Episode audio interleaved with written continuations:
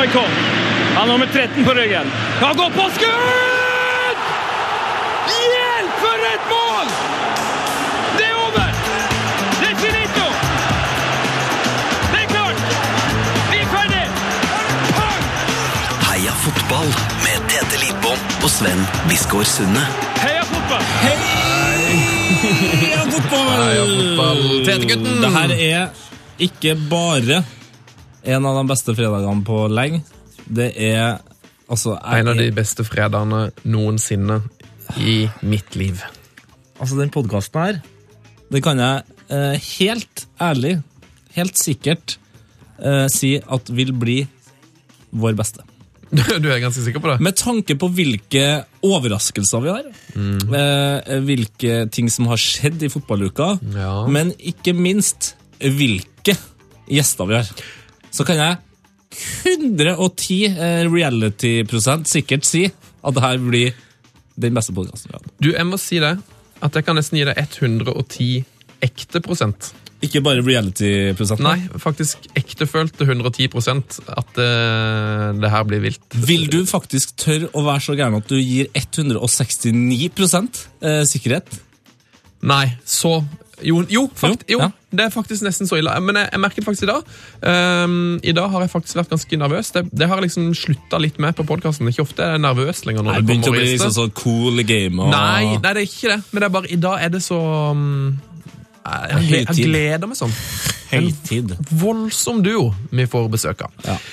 Um, ellers vært en fin fotballuke, en fin rockeuke for det. Uh, ja, både rock og fotball har levert. Uh, Gutten har fått seg storskjerm, har jeg sett. Oh 90 tommer eh, på, rett på veggen. Min, min samboer, gode venn og tidligere mm, kollega Andreas Hei, Borgen. Andreas. Hei, Andreas. Han har da gått til innkjøp av prosjektor. Det er jo altså så rått. Det er noe av det dummeste jeg har opplevd. Jeg har faktisk ikke rukket å se fotball der enda. Fordi, nei, fordi uh, Andreas er, er Jeg har fått den til å bli utrolig interessert i UFC. Men jeg skal love dere en ting. Det å sitte eh, to og en halv meter unna en så stor skjerm og se UFC, det er opplevelsesrikt, altså. Det, Du det, kjenner nesten svetten sprute ut av skjermen og treffer deg i fjeset. Ja, det er så mye svette i fjeset fra før. Jeg sitter i shorts eh, og bare overkropp når jeg ser på UFC nå. eh, Fordi det, det er så voldsomt. Du, Jeg har faktisk eh, sett mye UFC denne uka her sjøl, dog i litt mer dokumentarisk form. Ja. Det ligger en veldig veldig fin dokumentar ute på NRK nett-TV om Conor McGregor, det store irske fighting-fenomenet som gjør furore i UFC for tida. Den Anbefal- anbefales for alle, egentlig. Ja, for alle, Du trenger ikke være idrettsinteressert engang. Og det er en sånn ting når, når man ser den, så tenker man Tenk deg man kunne ha fått sett en sånn dokumentar om en så stor fotballspiller. For her kommer du altså så tett på som det er mulig å komme en, eh, en stjerne, altså en idrettsstjerne. Ja, Det er veldig kult. Eh, og jeg ble, eh, jeg merket at det var, liksom, det var her som vippa meg. Nå er jeg begynt å bli hekta på UFC. Mm, Ja, det er fantastisk. Det er veldig bra. Eh, Fotballuka har jo vært crazy. Folk har måttet gå, folk har fått jobb, og Nord-Irland Nord-Irland har Kvalifisert seg til EM. Ja, det, og det er sånn, da Wales skal jo til EM, og det, Irland er så godt som på vei til EM. Altså, er det et slags britisk mesterskap i fotball snart? Jeg vet ikke, Det er mer akkurat som det er underdoggenes tid. Det er det. Eh, altså, Island kommer der. Ja, Island er der. Nord-Irland første gang på evighet at de har kvalifisert til mesterskap. Så det, Det lover jo på en måte godt for Norge, da. det gjør det. det gjør det. Men eh, nå tror jeg vi må komme oss av gårde til våre gjester. De kan ikke sitte og vente på oss i evig tid. Det er, som to, sagt Er det to stykker jeg ikke skal la vente altfor lenge, så er det de her to. Oh yes. Heia fotball. Uh, heia fotball. Heia fotball! Ja, heia fotball. Dette blir så strålende, Tete gutten. Det blir altså så uh, nydelig. Uh, ukens gjester det er intet mindre enn to levende uh, legender i norsk eh, TV-historie. Hvor mange timer de har på skjermen eh, sammen? Er det, altså, jeg, jeg tør ikke tippe på hvor mye, hvor mye TV-tid det har vært her. Jeg tipper det er nesten min alder, altså. Ja, Det er ikke godt, eh, ikke godt å si. Eh, jeg vet i hvert fall det er mange, og jeg vet en ting til om den duoen. De har begge to et stort hjerte som banker for fotball. Arne Skeie og Dan Børge Akerø, velkommen til oss! Gutta krutt! Ja, ja, morsomt, morsomt. Ha det bra? Veldig bra her. Ja. Eh, Jeg hører rykter om at dere starta dagen med noe kaffe sammen eh, i morgentimene. Stemmer det, eller? Ja, da, det er, eh, Vi har jo vår vanlige lunsj klokka 11. Nå er jo ikke Arne her til daglig lenger, men han setter pris på å bli invitert med begrunnelse. Og når vi skulle få lov til å være sammen med dere og snakke fotball, så er det ikke vanskelig å be, vet du. Nei, og da, Men det er sånn at dere den, eller har den lunsjen her i kantina på Marienlyst, altså messa, som det heter? Det, det er helt riktig. Den har vi hatt i veldig, veldig mange år, og det er veldig hyggelig da, som Dan sier, å bli invitert tilbake til bordet og snakke I dag var det jo mye snakk om eh, fredspris, eh, Liverpool og fotball generelt. Var dere fornøyd med fredsprisen? Den gikk jo til et tunisisk en eh, kvartett, var det? Ja, altså, Tunis er jo ikke dårlig å spille fotball heller. Nei, det er sant. Men, men det var litt overraskende, og det var jo det morsomste var jo nitimes uh, poeng ved at Norway Cup var nominert. og Det hadde vært artig å sett om Frode Kyvåg hadde kommet og tatt imot fredsprisen. Det tror jeg hadde vakt, vakt stor oppmerksomhet på Bekkelaget. Ja, det er nydelig. Um, Skal vi bare starte, vi må nesten, før vi liksom går inn helt på dere. uh, Du, du nevnte Liverpool, Arne. Uh, Klopp, har, vi, har dere trua på han her, eller? Ja, ehm, han kan jo vise til resultater, og det er for meg det viktigste i fotball. Eh, Først da i, i Mainz, som han eh, begynte karrieren i, og så da i, i Borussia. Eh, vant Bundesligaen, kom til Champions League. Og for meg, første gang jeg virkelig ble klar over Klopp, det var under fotball-VM i Tyskland i 2006. Da var han eh, sidekommentator eh, hos en av de eh, tyske stasjonene, og han var veldig bra. Han var verbal, han kunne fotball, og jeg skjønte dette var en kapasitet, og det har vi jo da sett i disse årene siden 2006. Ja, altså, Og dette, dette må jeg bare si at jeg stoler på, for Arne har jo tysk fra universitetet, så han eh, skjønner jo hva de sier på tysk også. ah, nei, det er fint. Eh, for jeg, hørt, eh, jeg hørte jo eh, intervjuet som Liverpool TV hadde med nå, og han virker altså, for å være en fotballtrener, så han elsker fotball som en fan, han. Kanskje litt sånn som dere to? Ja, det inntrykket fikk faktisk jeg da jeg fulgte han i Tyskland i 2006. Han var jo med daglig og snakket eh, fotball, engasjert. og etter et langt liv så um, gjennomskuer man fort folk som ikke er interessert i fotball, men som um, prøver å gi et inntrykk at dette er hele livet. Og når det gjelder Klopp, han er veldig interessert, og jeg tror Liverpool har gjort et veldig godt valg her. Pluss at jeg tror rett og slett at den eh, kvinnelige delen av The Cop kommer, kommer til å bli betydelig styrket eh, i tiden som kommer. Det er veldig tidsriktig og, og Ja. tidsviktig. Ja, da, for at han, han er en sjarmerende fyr også. Ja. Talefør, og jeg hørte gutta utenfor her, de skrøt veldig av eh, engelskkunnskapen hans, og det kommer godt med i England. Det, det, det er ikke tvil om det, for at ellers så blir de litt sånn herja med av det. Det er sant. Jeg har hørt rykte om at eh, dere to eh, pleier å se veldig mye fotball sammen. Eh, har dere faste plasser på Ullevål eller noe sånt? Eh, Faste plasser har vi ikke, men vi har sett veldig mye fotball eh, i, i sammen opp gjennom årene og vært på turer. Eh, Ja, Den første store turen vi var sammen på, må vel kunne sies å være Milano. fotball... Nei, Dan! Fotball-VM Ja, i fotball-VM 82 i 82 i Spania. Også, Ja, ja. Har du glemt 82, Dan? Ja, nei, at det, og så nevnte Ja, Det var jo en svær tur, for at da jobbet jeg i Dagsrevyen, og Arne var i Sportsrevyen. Eh, og, og da var det såpass viktig dette her med at eh, Spania etter Franco skulle belyses. Ja. Jeg var der nede allerede i 81 på flere reportasjereiser, og så fikk jeg være med under hele, under hele fotball-VM. Og da drev jeg mest da med det som ikke hadde med fotball å gjøre, nemlig intervjue disse stjernene, tidligere fotballspillere og sånt, som var der. Pelé og, og Maradona var jo up and coming på den tiden. Og, og Eusebio og sånne. Og uh, ikke minst uh, Kissinger. Nei! Kissinger. Altså, du bare drev rundt og, og Jeg drev rundt, ja, Han traff jeg på en kafé, og så spurte jeg om jeg kunne få et intervju med ham. Vi lurte på hva gjorde Kissinger der under fotball-VM. Og det fikk vi jo vite senere, da USA ble tildelt 94-VM. Ja.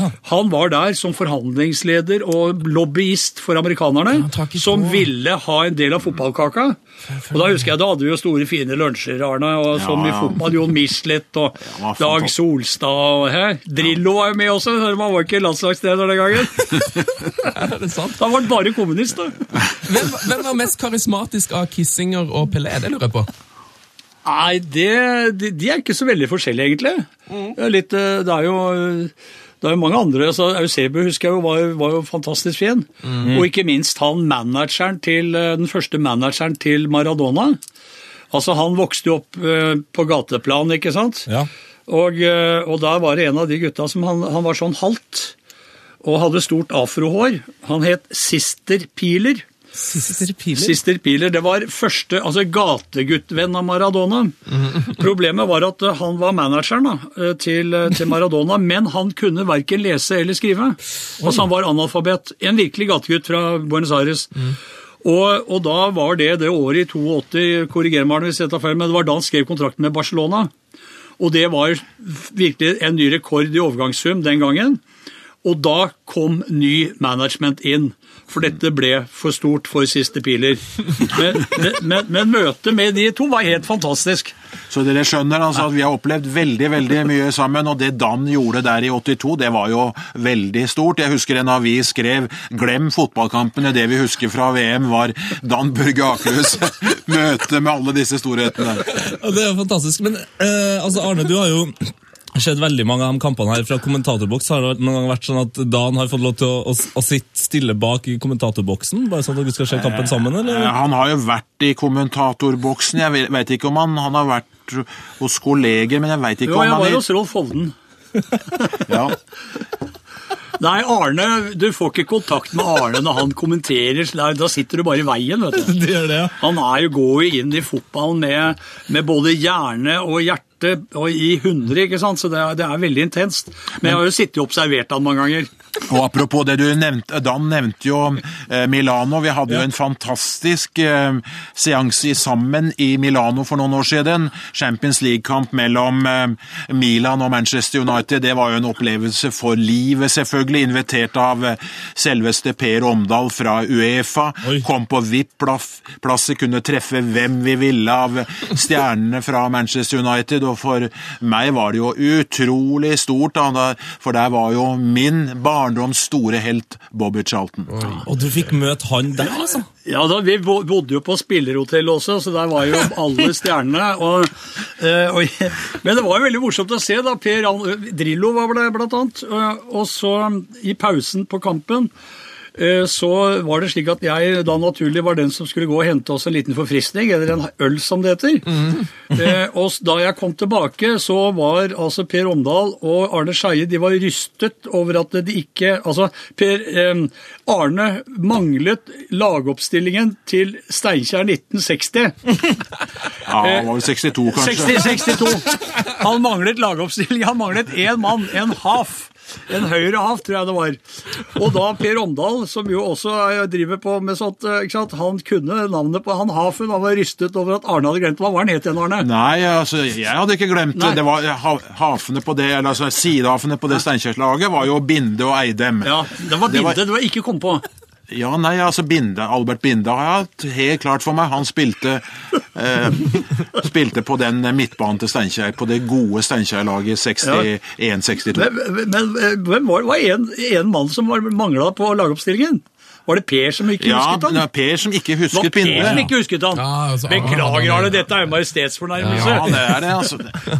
Det er det. Jeg beklager. Du, men eh, Arne Du, det er bare å si at Nå er det rystet i studio her, altså. Sitter han og rister Vi får, nå? vi får bare bygge den opp her nå igjen. Men ja, for du, Arne, jeg har, jeg har faktisk fokusert litt på denne tida i norsk fotball eh, nylig. Eh, 61-62. Var, det- var det det året hvor de spilte en toårslang sesong, den såkalte maratonsesongen? Det er helt riktig, for Yes! Vå- Våren 1961 var, eh, var eh, siste gang man hadde to avdelinger i den gamle hovedserien. Så fant Norge, fotballforbundet, ut eh, at man måtte ha én serie, og hvordan gjorde man det? Man slo sammen de, de lagene og lagde da én serie, en, slags kvalifiseringsserie, for å få da fra 1963 bare én førstedivisjon i Norge. Det betydde at høsten 61, våren 62, høsten 62 så spilte da disse, eh, disse 16 lagene om de plassene. Og så var det de ti beste som holdt seg, så rykka seks stykker Ja, ned, nei, det var ikke så enkelt. Jeg mener å huske at det var åtte stykker da som gikk rett til førstedivisjon, og så må,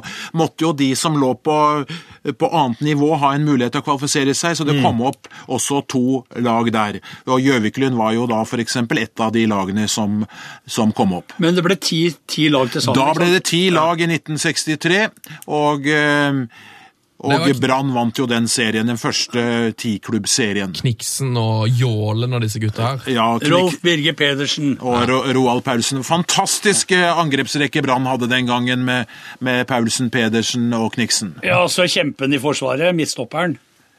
Ja, jeg vet ikke hvem du tenker på nå, Per, eh, per Pettersen eller, eh, eller Trygve Andersen. Trygve Andersen. Ja, han var vel ikke midtstopper, han var jo midt, eh, midtbanespiller, da. Ja, han lå lavt bak der. Ja. Jeg var i. Bergen og så på, jeg. Ja, du var det, ja. Ja, var det det, ja? Jeg så det. Jeg var det, for vi flytta veldig mye rundt, så det er liksom sånn det som, eh, Jeg er jo født i Danmark, så flyttet vi til Fredrikstad. og Da var jo Fredrikstad stor ikke sant, på 50-tallet. Og så flyttet vi til Skien, og Odd var jo selvfølgelig der. Og så var det Oslo, og da kom jo trikkeserien inn Ja. i, i bildet med alle de fire lagene. Og så bodde jeg to fantastiske år i Bergen. eh, Hvor min interesse for å spille og drive med fotball virkelig blomstret. Da lagde vi en fotballklubb som het Flammen. Flamme, det er fint. Uh, ja, da, for at Brann var jo opptatt. Ja. og, så, og da hadde vi, hadde vi gule trøyer. Så det var flammen. Og da, og da var det første kampene jeg var på på stadion og sånt, det var faktisk i Bergen. Fantastisk. Og, eh, og, og derfor er det sånn det blitt når man flytta sånn rundt. Det betyr at det er veldig vanskelig for meg å ha én favoritt. Ja. Ja, du klarer ikke å ha én Ja, favoritt. Ja, altså jeg, jeg heier på Fredrikstad. Jeg vil at de skal klare seg framfor Sarpsborg. Jeg er glad i Odd. Jeg liker Oslo-lagene. Brann må være med. Jeg har spilt på Viking, jeg har spilt i Tromsø.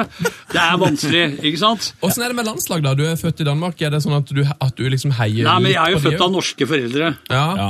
Ja. Men allikevel, det henger vel litt igjen? ja nei, altså, jeg heier på Danmark, selvfølgelig. Født, født av norske foreldre i Danmark og oppkalt av, eh, etter Danmark, eller? Ja, rett og slett. Jeg er oppkalt etter Danmark. Dan, danene. Nei, fantastisk. Men, eh, men du var jo inne på det her nå, eh, Dan Børge. Den, du har jo en spillekarriere som jeg føler egentlig blir snakka litt for lite om. Altså, Ja, jeg syns Ja, også det. det Ja. syns jeg òg. Men vi, jeg skal love dere, vi i Messa NRK vi har hørt mye om den de siste 15 årene. Ja, og da, altså jeg vet jo, eh, jeg jobba i NRK lenge nok til å vite at dere har en fast plass i, i messa. Ikke Ja. lurt å sette seg der i det, rundt det tidspunktet dere skal være der. Sies det.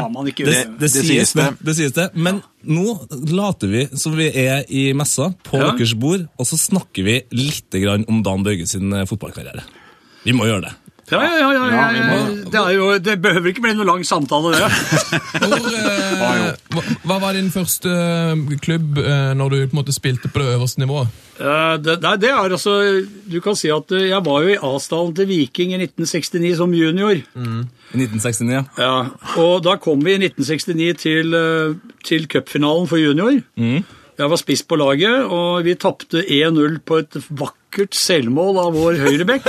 Vakkert selvmål? Ja, det lå klistra i vinkelen eh, på et tilbakespill. Dessverre. Og jeg skal ikke skylde på han, for at jeg brant i hvert fall fire eh, som Drillo ville kalt for 100% sjanser, inne i boksen. Og jeg var egentlig flink til å skåre mål på den tida der, så, så det var ikke bra, altså. Hva slags eh, spillertype var han, Arne? Kan du sammenligne med en annen spiss? Eh, Det er vel ikke så lett. Han Det er, det er ikke verdt maken, vet du. Nei, eh, Hvis det, bare én Dan Børge. ja, det er bare én Dan Børge. Det er det. Jeg kan si korte trekk, Arne. Min styrke var hurtighet og framdrift, eh, så jeg løp eh, veldig, veldig fort. Kropp som er bygget for fart. Men jeg var jo lat, ikke sant? Ja, du var Så- Ja, jeg var lat, for jeg satset jo ikke noe ordentlig på dette med, med fotballen. Jeg ble interessert i internasjonal politikk og sånt isteden. Og det var gøy å være lange tider i Latin-Amerika på feltopphold. Fotballens virkelige kontinent, hvor det spilles på hvert eneste hjørne. Og når man da, da var jeg fremdeles ganske godt trent, for jeg var også da spillende trener på Oslo-studentene i, i Oslo. Eh, På, på, altså på, på universitetet, så jeg hadde stor glede av strandfotball på Copacabana og sånne, sånne ting, for at der kunne man spille fotball på hvert hjørne. Og da var det en fordel å være på en måte, godt trent og, og ha spilt på ordentlig bane. og Sånn. Og rask og lat. Rask, lat og hadde Ja, også det, sikkert et det, er snakk, det er bare snakk om korte kamper. Ja. Men da havner jo den egenskapen som um, fører fram i fotballen i dag. Altså, kan si mye om eh, ferdigheter og sånn, men hvis du ikke har fart i dag, så har du ingen mulighet. Da sliter vi. Når du, eh, for det, du kom inn i NRK gjennom at du lagde en eh, dokumentarserie, var det ikke sånn, Dan? Det første jeg lagde for NRK, var en dokumentarserie om, eller et dokumentarprogram om latinamerikanske flyktninger i Norge. Ja. Og så begynte jeg i radios utenriksavdeling i 79, og så siden Dagsrevyen fra 1980. Det er rått. Og det var da jeg ble kjent med de store fjernsynsgutta. vet du. Vi hadde jo sittet og, og beundret disse sportskommentatorene på 70-tallet i svart-hvitt og sånt. Så det var altså, Tenk deg Øyvind Johnsen, Knut Bjørnsen, eh, Jon Hervik Karlsen, Knut Theo Gleditsch, Arne Skeie. Altså, det er sus i, over disse navnene her, da. Og så få lov, også få lov å prate med dem, altså liksom si hei uten at det var noe gærent. Og så, videre, og så fikk jeg da jobbe litt med dem. Så sporten var jo absolutt det jeg kunne ha jobbet mer med. Ja. Eh, utenom underholdning, men det ble jo seks år i Dagsrevyen og så over til underholdning. Yes. Og der møttes vi jo igjen, for der kom jo dette med alle disse cupfinaleshowene vi lagde. Ja, ja. Og etter hvert, etter hvert også Idrettsgallaen, hvor jeg var med og dra i gang det fra begynnelsen av. Ja, for det snakket vi, Cupfinaleshowene snakka vi faktisk med Håvard Lilleheie om her for ikke så lenge siden. Ja. Mm. For han mente at eh, på en måte cupfinalen mellom eh, Rosenborg og Godset den ble avgjort hos det, fordi Odd Johnsen var så god til å trikse. Ja, At nei, han men bare eh, demoraliserte hele Rosenborg. det var jo Altså, cupfinalene eh, altså, eh, heller si det sånn, Så lenge NRK var det hovedkanalen som var på banen, så var det veldig fint å ha den type show. Og så har jo TV 2 overtatt en del av det, etter hvert som de kjøpte rettigheter til, eh, til norsk serie og sånt. Så da er dette blitt litt pulverisert, men det har jo vokst sett fra fotballens side, Arne. Syns du ikke det? De har sin egen gullballutdeling og Kniksen-priser og, og sånne ting i egen ramme. Men eh, jeg syns det er litt sånn trist, for at det er på NRK dette her hører hjemme. ja. Det er som Ja. skiskyting og, og, Ja, og skisport, rett og slett, der. Ja, så når det var eh, eh, cupfinale, så var det jo veldig fint da på lørdag i beste sendetida å ha dette showet. Det bare understreker betydningen for eh, for cupfinalen. Jeg har vel en gang eh, sagt at hva, hva hadde høsten i Norge vært uten cupfinalen? Det vi hadde gått rett på vinteren. Arne, det. Men jeg må si en ting til om disse cupfinalene. Det som var en tradisjon, som er, understreker det som er eh, Arne sitt poeng her. Altså Det samlende for folket, det var jo at eh, det var allmenn underholdning. Vi har fokusert på lag med allmenn underholdning. Og så var det denne tradisjonen som vi rett og slett rappet fra de tre tenorer. Og konserten i forbindelse med fotball, finalen fotball-VM i 1990 i Italia. Jeg var til stede der. Og så var 94 finalen i Los Angeles, som jeg også var til stede på. Og de tre tenorer, som da, som da altså Vi hadde som tradisjon å avslutte med Nessun Dorma. Men helt til slutt så var det You Never Walk Alone. Oi! Og da var det hvert år, eller hver høst da var det et problem å finne en eh, god nok tenor som klarte å holde den høye C-en på Nessun Dorma. Vincero, vincero, ikke sant? Den skal jo sitte klistra. Og der svikta den ene etter den andre. Så vi måtte sette i gang applausen før siste tone kom, for å dekke over dette her. Det var veldig moro. Men det var svært, som Arne sier. Det er nydelig. Eh, Når vi er inne på eh, Vi var inne på cupfinalen der. Ja. Eh, Du har vel en cupfinale, du òg, da, Bergerud? Ja, jeg har jo på sett og vis det. På, på sitt og vis. Ja, ja, jeg, jeg var med og satt uh, halvskadet på benken da Skeid slo Viking 3-1 på Ullevål stadion i 1974. En kamp som Arne dekket, tror jeg. Hvert fall Nei, det, eh, jeg gjorde ikke det, for det var året før vi begynte å sende skikk, hvert hvert år i NRK. Finalen i 75 mellom eh, Bodø-Glimt og Vard var jo den første som gikk direkte, og heldigvis etter det så har dette blitt også en tradisjon for TV direkte. For før det så fikk vi jo ikke lov i gåsøgne av eh, Fotballforbundet å sende cupfinalen, for man var jo redd for at publikum skulle bli borte og alt det Jeg der. sitter hjemme og ser på boksen, ja. Ja. Skjønner. Nei da, men eh, jeg, jeg fikk med cupfinalen i 74. eh, og, og hadde vært inne på banen i tre av cupkampene opp fram til syvende runde og siste. Fikk, du da, fikk du da medalje, eller? Eh, Jeg fikk pokalen av kong Olav. Altså, vi, vi, klubben fikk jo en stor pokal, og så fikk vi en liten pokal hver. Ja. På størrelse med et sånn uh, liten, uh, lite plastkrus. uh, så det fikk jeg, men offisielt så hadde jeg ikke da dette mesterskapet inne. Det ville jeg hatt i dag, for da blir hele stallen godkjent. Ja. Men, men så du kan si at hvis man hadde tenkt på en oppgradering her, så ville jeg kunne si at jo, jeg er norgesmester. Ja. Og du har-. Og du har pokalen òg? Nei, pokalen den eh, gikk med i første skilsmisse, dessverre. Nei! Så ble det, det ble en del av boet. Det er en utrolig rar ting å miste i skilsmisse. Ja, nei, det var, det var egentlig Jeg vil si at det er en slurvefeil. Slurvefeil. Tellefeil. Hvor, eh, Du har vel kommentert Dan Børge, du da, Arne? Eh, nei, det har jeg ikke. Har du ikke? Jeg har, jeg, eh, jeg Ikke, ikke på TV. Nei, jeg har ikke det, for eh, eh, som sagt så begynte Min første cupfinale som jeg kommenterte, var den eh, jeg vil si vidunderlige finalen i 76 mellom Brann og, og Sogndal, som eh, da eh, Brann vant. Eh, Sogndal var jo Askeladden, hadde gjort det veldig godt, men Brann vant på, på Ullevål. Og det var eh, en håpløs bane. Det var eh, sagflis over mesteparten av banen. og Da utlendingen fikk se de bildene, så ville de gjerne ha bildene, for de trodde det var vann og snø der. Men det var altså sagflis. Det var sagflis. Men det var en fortjent seier eh, Hvilket år var dette? for Brann, 1976. Men du har, eh, i fall, jeg husker du har fortalt før at eh, når eh, en av dine første kamper for NRK det var på, nei, på Stavanger stadion Det er helt riktig. Det er jo et godt, meget godt poeng du kommer med der. Den, ja, for det var 4. september 1971. Det var mellom Viking og Sarpsborg. Eh, Egil Olsen, vår felles gode venn, han spilte for Sarpsborg. Jeg satt da i kommentatorboksen og lagde saken for eh, TV-sporten, og Dan Børge, han spilte Ja, ja. for Garden i pausen. Ja, og, og, og Dan Børge, du, du, Ja, jeg du var, i, jo jeg var i gardemusikken, og vi hadde oppvisning på Stavanger stadion før kampen. Og i pausen. Det her er Så jo det, der, der var vi tre som er gode venner. Vi var til st Dette er jo Arne som har drevet research her, vet du, så det er helt fantastisk. Så alle spilte, men på forskjellige Ja, på eh, forskjellige strenger. Ja, det kan du si. Så nydelig. Så nydelig. Du, jeg har litt lyst til å gå tilbake til, mm, til de ti Sør-Amerika, Dan. Ja. For det, Du sa du har spilt, på, spilt litt fotball på Copacabana. Sånn. Har du da vært og sett noe, eh, noe brasiliansk landskamp eller noe sånt? Har du Ja, vært altså, på Maracana og sånne ting? Eh, Jeg har ikke vært på Maracana. Det, det har jeg ikke. Nei. For at det var Jeg har vært der, da var jeg mest i Amazonas, oppe i området der og sånt. Men, men, eh, men den største kampen i Latin-Amerika, det har jeg vært på, på den Azteker-stadion i Mexico. Å nei, har du vært der? Der var det smekka fullt, og det var en fantastisk eh, opplevelse, fordi at eh, måten disse eh, titusener av mennesker det kom seg til og fra, altså de satt jo på busstak, og på alle mulige sånne som kunne kjøre, som var helt vilt. Nei, det er nok det største jeg har opplevd, selv om jeg har vært på eh, mange finalekamper i, i, i VM. Jeg kan ikke måle seg med dette her.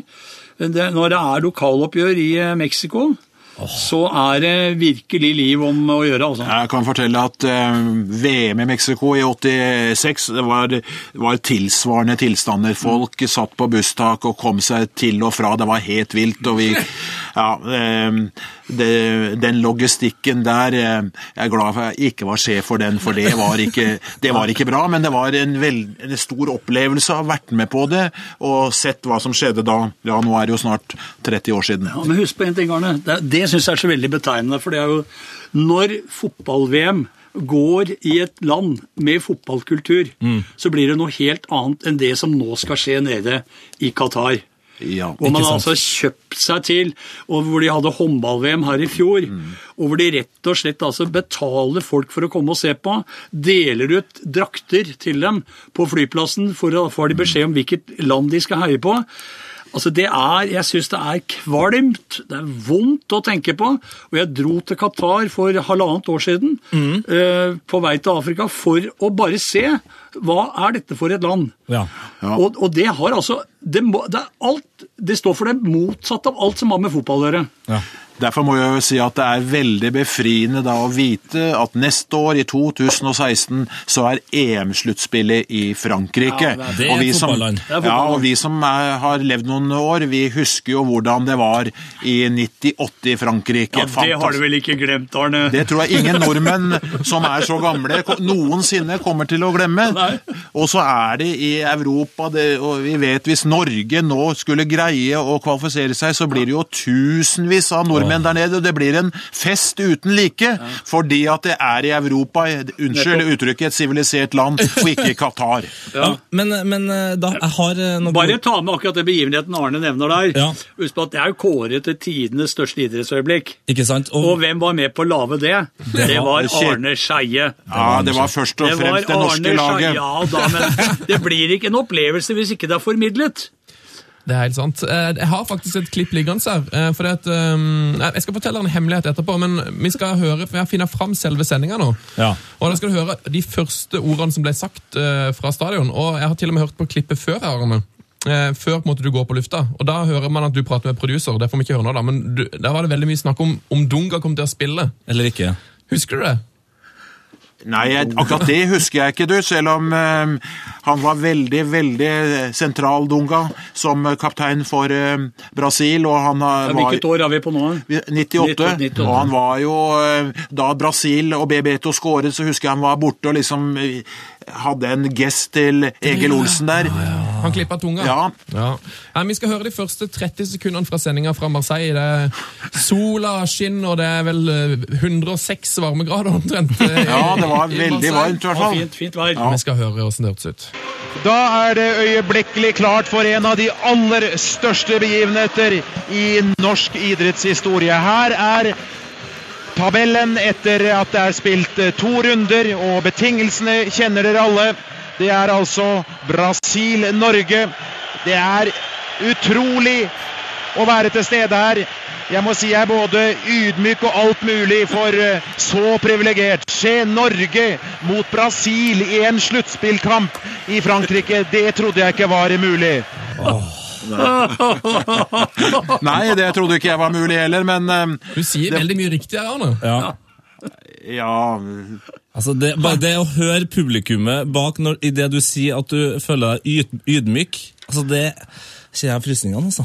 Ja, men eh, i denne eh, jobben som jeg har vært så privilegert å ha i mange år, så må man jo være ydmyk. Ja. Det ligger jo liksom i, i sakens natur, det. Eh, årsaken til at vi har funnet fram dette klippet, er at eh, neste fredag så er det, det begynner å nærme seg TV-aksjon. Og Da kjører vi i gang noe som heter P3-aksjonen her på P3. Ja. Og I den sammenheng så skal vi faktisk vise den kampen. her. Eh, Vi har eh, kjøpt rettighetene av Fifa til å vise kampen i ett døgn. Så ne neste fredag fra klokka åtte så går det an å se kampen på nrk.no om igjen. Det er så fantastisk. Da skal du se den flere ganger i løpet av et døgn. da. Ja, Du kan jo da se den tolv ganger hvis du har lyst. hvis det frister. Hvis det frister. Jeg tipper Tore André Flo kommer til å sette av det døgnet der. Det tror jeg absolutt. Og jeg er veldig sikker på at jeg kommer til å se nøye på den kampen her, fordi jeg så jo første gangen, som hele Norge gjorde. Men min, eh, min stemor og min far eh, Vi var på besøk til noen venner på Stjørdal. Eh, De fant ut at nå er mine småsøstre altså så trøtt at vi må kjøre hjem i pausen. Eh, Jeg stritta jo selvfølgelig imot. Men jeg satt altså i en, eh, i en rusten, gammel Opel Kadett i det Rekdal eh, satt eh, mål. Så jeg har aldri sett andre gangen. Men det skal det bli en endring på neste, neste fredag. Eh, og vi skal, For dere som er i Trondheim, så skal vi ha et eh, event eh, på en pub som heter Mellomveien, hvor vi skal vise kampen. eh, og Der kommer Vidar Riseth og Roar Strand for å fortelle om, om sin opplevelse av kampen. Og jeg tenkte siden vi har dere her nå Dette er bra jobba, gutter. Dette er veldig bra jobba. ja, står, Vi har stått på. Eh, så lurte jeg på, dere, Har dere noe, noe dere lurer på som vi bør spørre Vidar og Roar om i forbindelse med den kampen? Ja, Den må bli ditt eh, bord, Arne. Eh, Ja, nei, det er sikkert eh, mye du kunne snakke med, med Hvor mye spilte Rie Vidar der, da? Ja, Vidar var jo sentral i 98, så hele stemningen kunne være morsomt å vite, og dette har vel dere selvfølgelig for lengst tenkt på, Mhm. hva slags tanker spillergruppa hadde Ja. foran denne kampen. Altså, Vi var jo i den situasjonen at vi hadde to poeng. Vi hadde uavgjort eh, mot Skottland og Marokko, og alle visste at eh, det var bare seier som var eh, godt nok. Og da lurer jeg litt på var nordmenn, eh, spillerne, fornøyd med dette? For jeg husker jeg sa til meg selv, jeg sa det ikke på lufta, da Bebeto skåret og det var 1-0 til Brasil, så tenkte jeg som så, ja vel, to uavgjorte kamper og tap mot Brasil 1-0, det er jo ikke så gærent i et fotball-VM. Nei, det er greit nok, det. Vi har et innspill. Altså, eh, vi husker jo eh, bakgrunnen for straffeavgjørelsen. Det var jo ikke så lett å se Nei. eh, før eh, denne eh, turisten var, ikke, var han ikke danske, til og med? Svenske. Svenske var det, som eh, hadde fått tatt dette fantastiske bildet, som du kunne se at eh, der sto trøya til eh, Tore André ut som en skikkelig seilduk. Mhm. Det har vært veldig eh, fint å høre hva spillerne tenkte om den straffesituasjonen der og da. Kjempespørsmål. Altså, eh, hva, Trodde de det var straffe, eller bare eh, hadde de sett noe? På en måte, ikke sant? Eller ble de overbevist også først da dette bildet kom for en dag? Skulle du tro du har jobba i Dagsrevyen eh, da? Altså, det er utrolig bra spørsmål. Det, det, det tror jeg de kan eh, fortelle litt interessant om. Det Altså. skal. For dette er jo veldig interessant. Altså, jeg, jeg skrek vel en tre-fire ganger, eller stilte spørsmål på lufta noen ganger, er det straffespark? For vi hadde jo ikke fra vår posisjon sett noe som helst, og det ble blåst. Og jeg skjønte jo det at det kunne jo ikke være frispark i favør av Brasil, og når det skjer noe i feltet, så må det jo da eh, logisk sett være straffespark.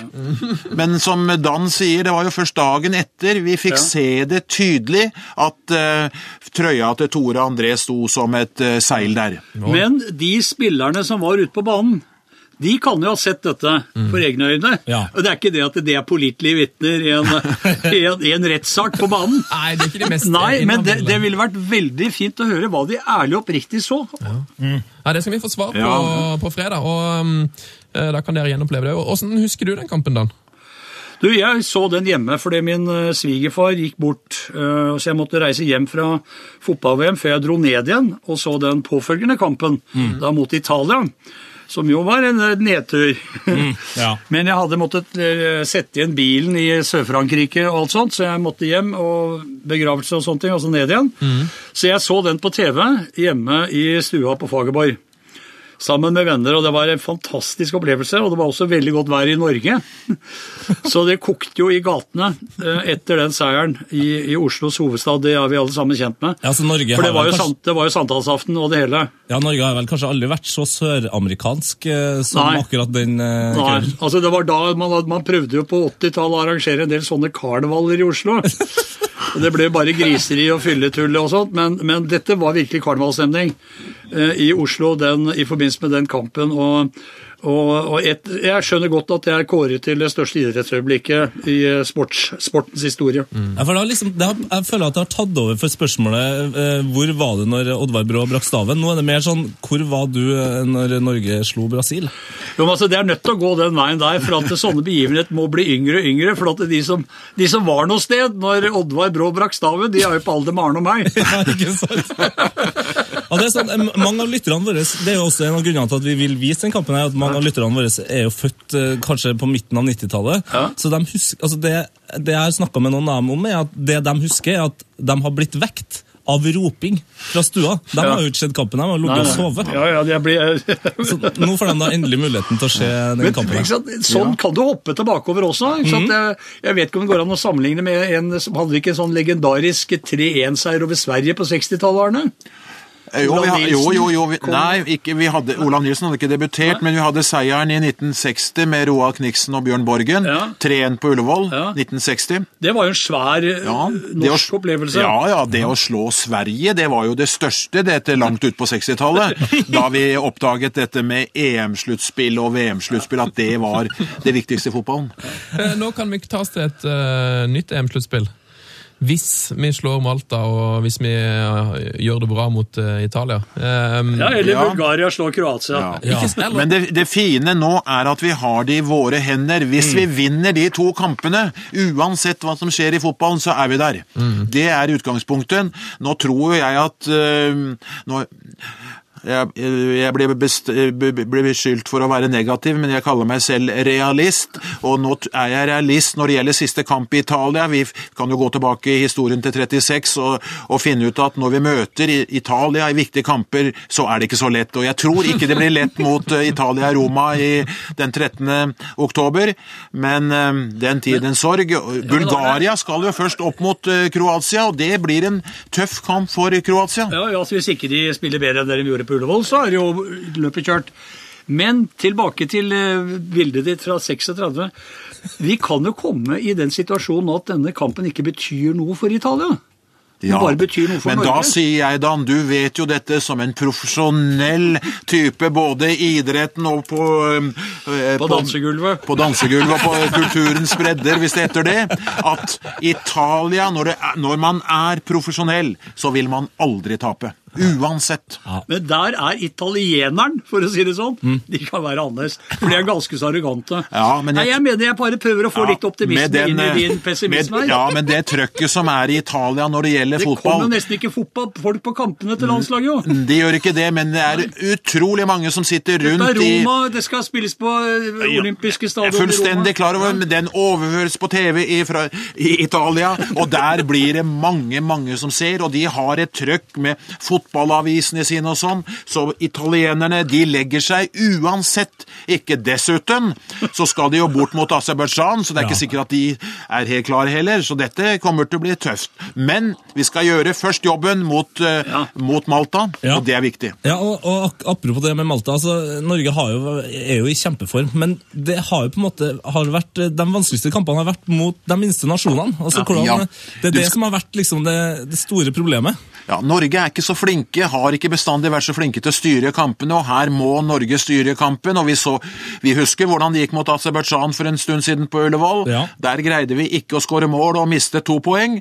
Så vi, i, i fotballen så tar vi intet på forhånd. Nei, Jeg vil faktisk sammenligne det med livet i politikken. Jeg. Ja, gjør det. Det er alltid lettest å være i opposisjon. Det er, det er noe med det. Men Det, det er det, og det er det. Altså, her, er jo, her er jo vi på en måte kjempefavoritter mot Malta. Vi skal jo slå dem. Men det er jo akkurat de kampene der vi kan uh, dumme oss ut på. Så det du tror er at vi kommer til å gjøre det bedre mot Italia enn Malta, nesten? Ja, altså, Jeg tror at vi slår Malta, men jeg tror ikke det blir noe sånn easy walking. Men, men, men jeg har mer tro på at det, det kan være virkelige håp om å kneble disse italienerne. De er jo ganske oppblåste typer, mange av dem. er vi, er vi um, altså igjen da, realister, så tror jeg vi kommer dessverre i den situasjonen at vi må slå Italia i Roma. Det tror jeg også. Ja, for i, eh, jeg tror um, Kroatia nå vinner på hjemmebane. Ja.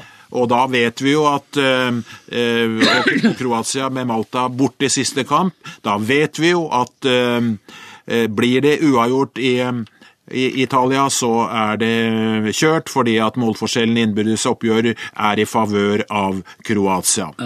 Men det er jo dette som er så interessant med fotballen, at man kan diskutere både på forhånd og i ettertid. Og under. Ja, og ikke minst.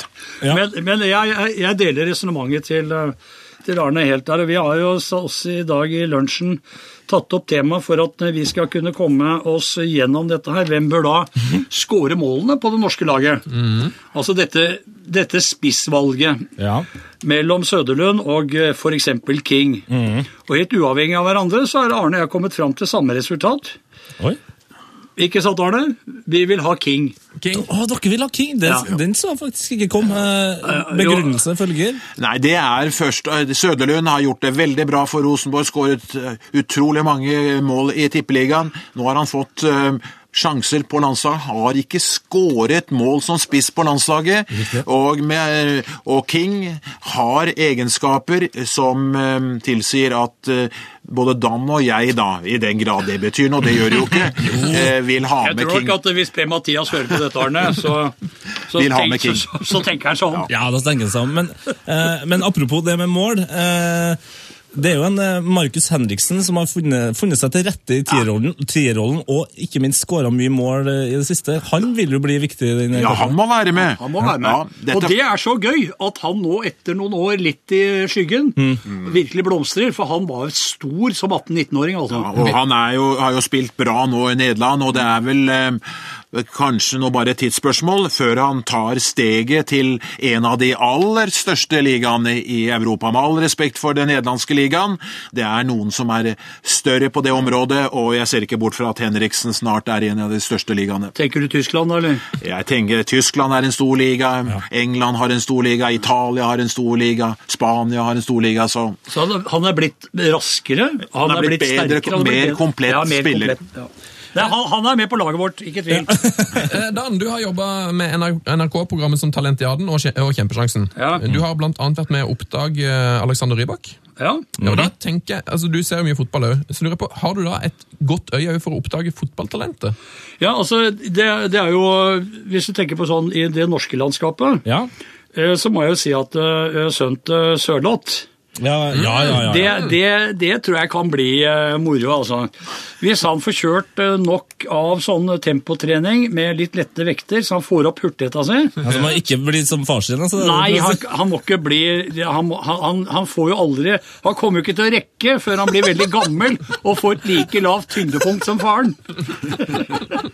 Men det, det var jo egentlig gjøre Gjørans styrke, på en måte. Da Ja. han var inne i boksen og skjermet ballen, så fikk du ikke vippet han bort. Verdens beste feilvendte Ja, spiss. Ja. og da, da? Men han syns jeg er, er stor, og, og alle har jo på en måte han eh, Martin Ødegaard på, på leppene og sånt, men jeg, jeg er redd at eh, det der kan komme mye senere enn det man tror, altså. Ja, Martin er jo et fantastisk talent, fantastisk spiller, og jeg bare gjentar Kjøpt av Real Madrid som 16-åring, det, det er bare å gi seg over. Det er ekstra pondus når du sier akkurat den setningen, Arne.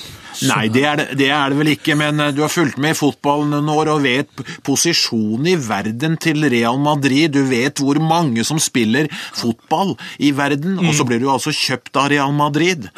Og uh, trent av selve Zidane. De det kan ikke forekomme feilkjøp i Real Madrid? Det kan det gjøre, men uh, Ikke dette tilfellet. Men det var jo en annen ting som underbygger dette. Det var jo ikke bare Real Madrid som var interessert i Martin. Ødegaard. De beste Mange. klubbene i hele verden ville ha Martin Ødegaard, så de, alle disse eh, speiderne og managerne kan jo ikke ta feil, vel. Men da må jeg spørre, Arne.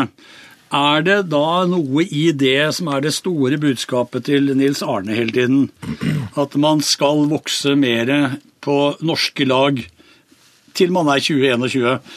Han sa akkurat det samme Jon Arne Riise da han dro med mora si. Da bomma han. Da bomma han. Det gjorde han jo. Eh, Så, så han kan, kan ikke ha rett alltid, og det er ikke plass til alle talentene på Rosenborg. For da, hvor skal de, de ferdigutviklede da spille?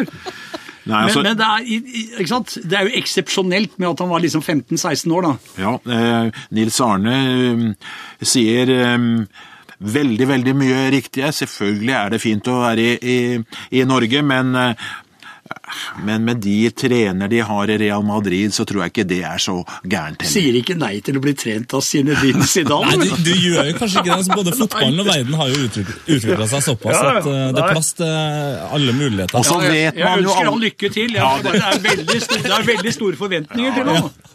Men derfor syns jeg det er morsomt med sånn som Sørloth junior, Ja. eh, som, som da dukker opp, faktisk leverer varene, skårer mye mål, og skåret han også i går. Ja da, han skåret Eh, han på mot eh, mot, eh, ja, mot uh, Kasakhstan. Eh, og, og, og liksom, han har, han har noe ved seg så at eh, han kan bli, altså han er litt sånn Zlatan-type, vet du. Ja, han er, han er litt uh, Altså, slepen. jeg, jeg husker det, det var alltid vondt å spille mot sånne lange med høye albuer og greier. altså det, Men bare for å avslutte, komme tilbake til Ødegaard. Han, eh, han hoppet altså på dette tilbudet som 16-åring, og du har jo aldri noe garanti for at det tilbudet kommer når du er 20, selv om du har vært fire år til i Strømsgodset. jeg støtter deg. Det er et veldig godt poeng. Eh, tilbake til deres eh, Norge-lag her nå. Eh, har dere også satt opp eh, Ole Selnes eh, på, på midten der, eller mener dere Vi at det er kom, for ikke tidlig? så, vi kom ikke så langt at vi tok hele laget. Det ble en veldig eh, tøff kan ta det her diskusjon om Det er snart spiss- kamp, vet du. Vi, vi altså, kan selv, ikke komme med det i morgen. For Stefan Johansen er vel en selvfølge, eller? ja, så sant nakken er bra, så Ja. er han en selvfølge. Ja. Men det syns jeg Selnes har vist. Han har vist vist nå i, i, i, med den formstigningen og sett de kampene han har levert, så er det klart at jeg ville, ville hatt med han. Han er kanskje årets spiller i, i Tippeligaen, den som har hatt den største framgangen, og som har mye av det alle fotballelskere håper at en spiller skal ha. Den kreativiteten, den pasningsfoten, det overblikket. Så det er veldig spennende dette med, med Selnes. Men hør her nå, kan vi ikke bare sette opp laget? Jo, jeg Ja. ser det. Jeg gjør Det er en slags eh, Arne og, og Dans ja. drømmelag for, for, for Malta. Ja, det er, Når vi tar ut et lag, så regner vi med at det er det det blir. Ja. Eh, Så det blir, det blir ikke noe drømmelag, dette her. Det blir det virkelighetslag, dette her. Ja, realisten og optimisten ja. legger Ja, sammen. ja, ja. Ja, det Altså, er en spennende, spennende keeperduell, faktisk. eh. Nei, jeg tror det fortsatt blir eh, Nyland. Okay. Men han må ikke sitte på benken for lenge i Ingolstadt. Nei. da blir det Jarstein. Når Jarstein får stå for selveste Hertha Berlin, så blir det han. Ja. Men nå, foreløpig, så er det Nyland i mål. altså, det var den gamle regelen liksom, at en keeper også må få anledning til å spille seg ut av laget. Ja. Men det har vi egentlig ikke råd til, for da, er det visst, da taper vi poeng. ja. Men godt det, poeng. vi Bekke, tror jeg, da Tom er jo skada. Ja, Han har brudd i ryggen, det er jo eh, Ja. det er fælt, altså. Høres så Og beina det, ut. det, av og til så ser det ut som at laget spiller med brukket rygg, men vi bør ikke starte med det. Nei. Nei. Så ikke han på bekken. Ta midtstopperne først, da, Arne. Ja, det er jo, det er jo Forhen og Hovland. Ja. Det, de, de har gjort det veldig godt. Så starta et nytt partnerskap. Det er fint, det. Ja, de har det.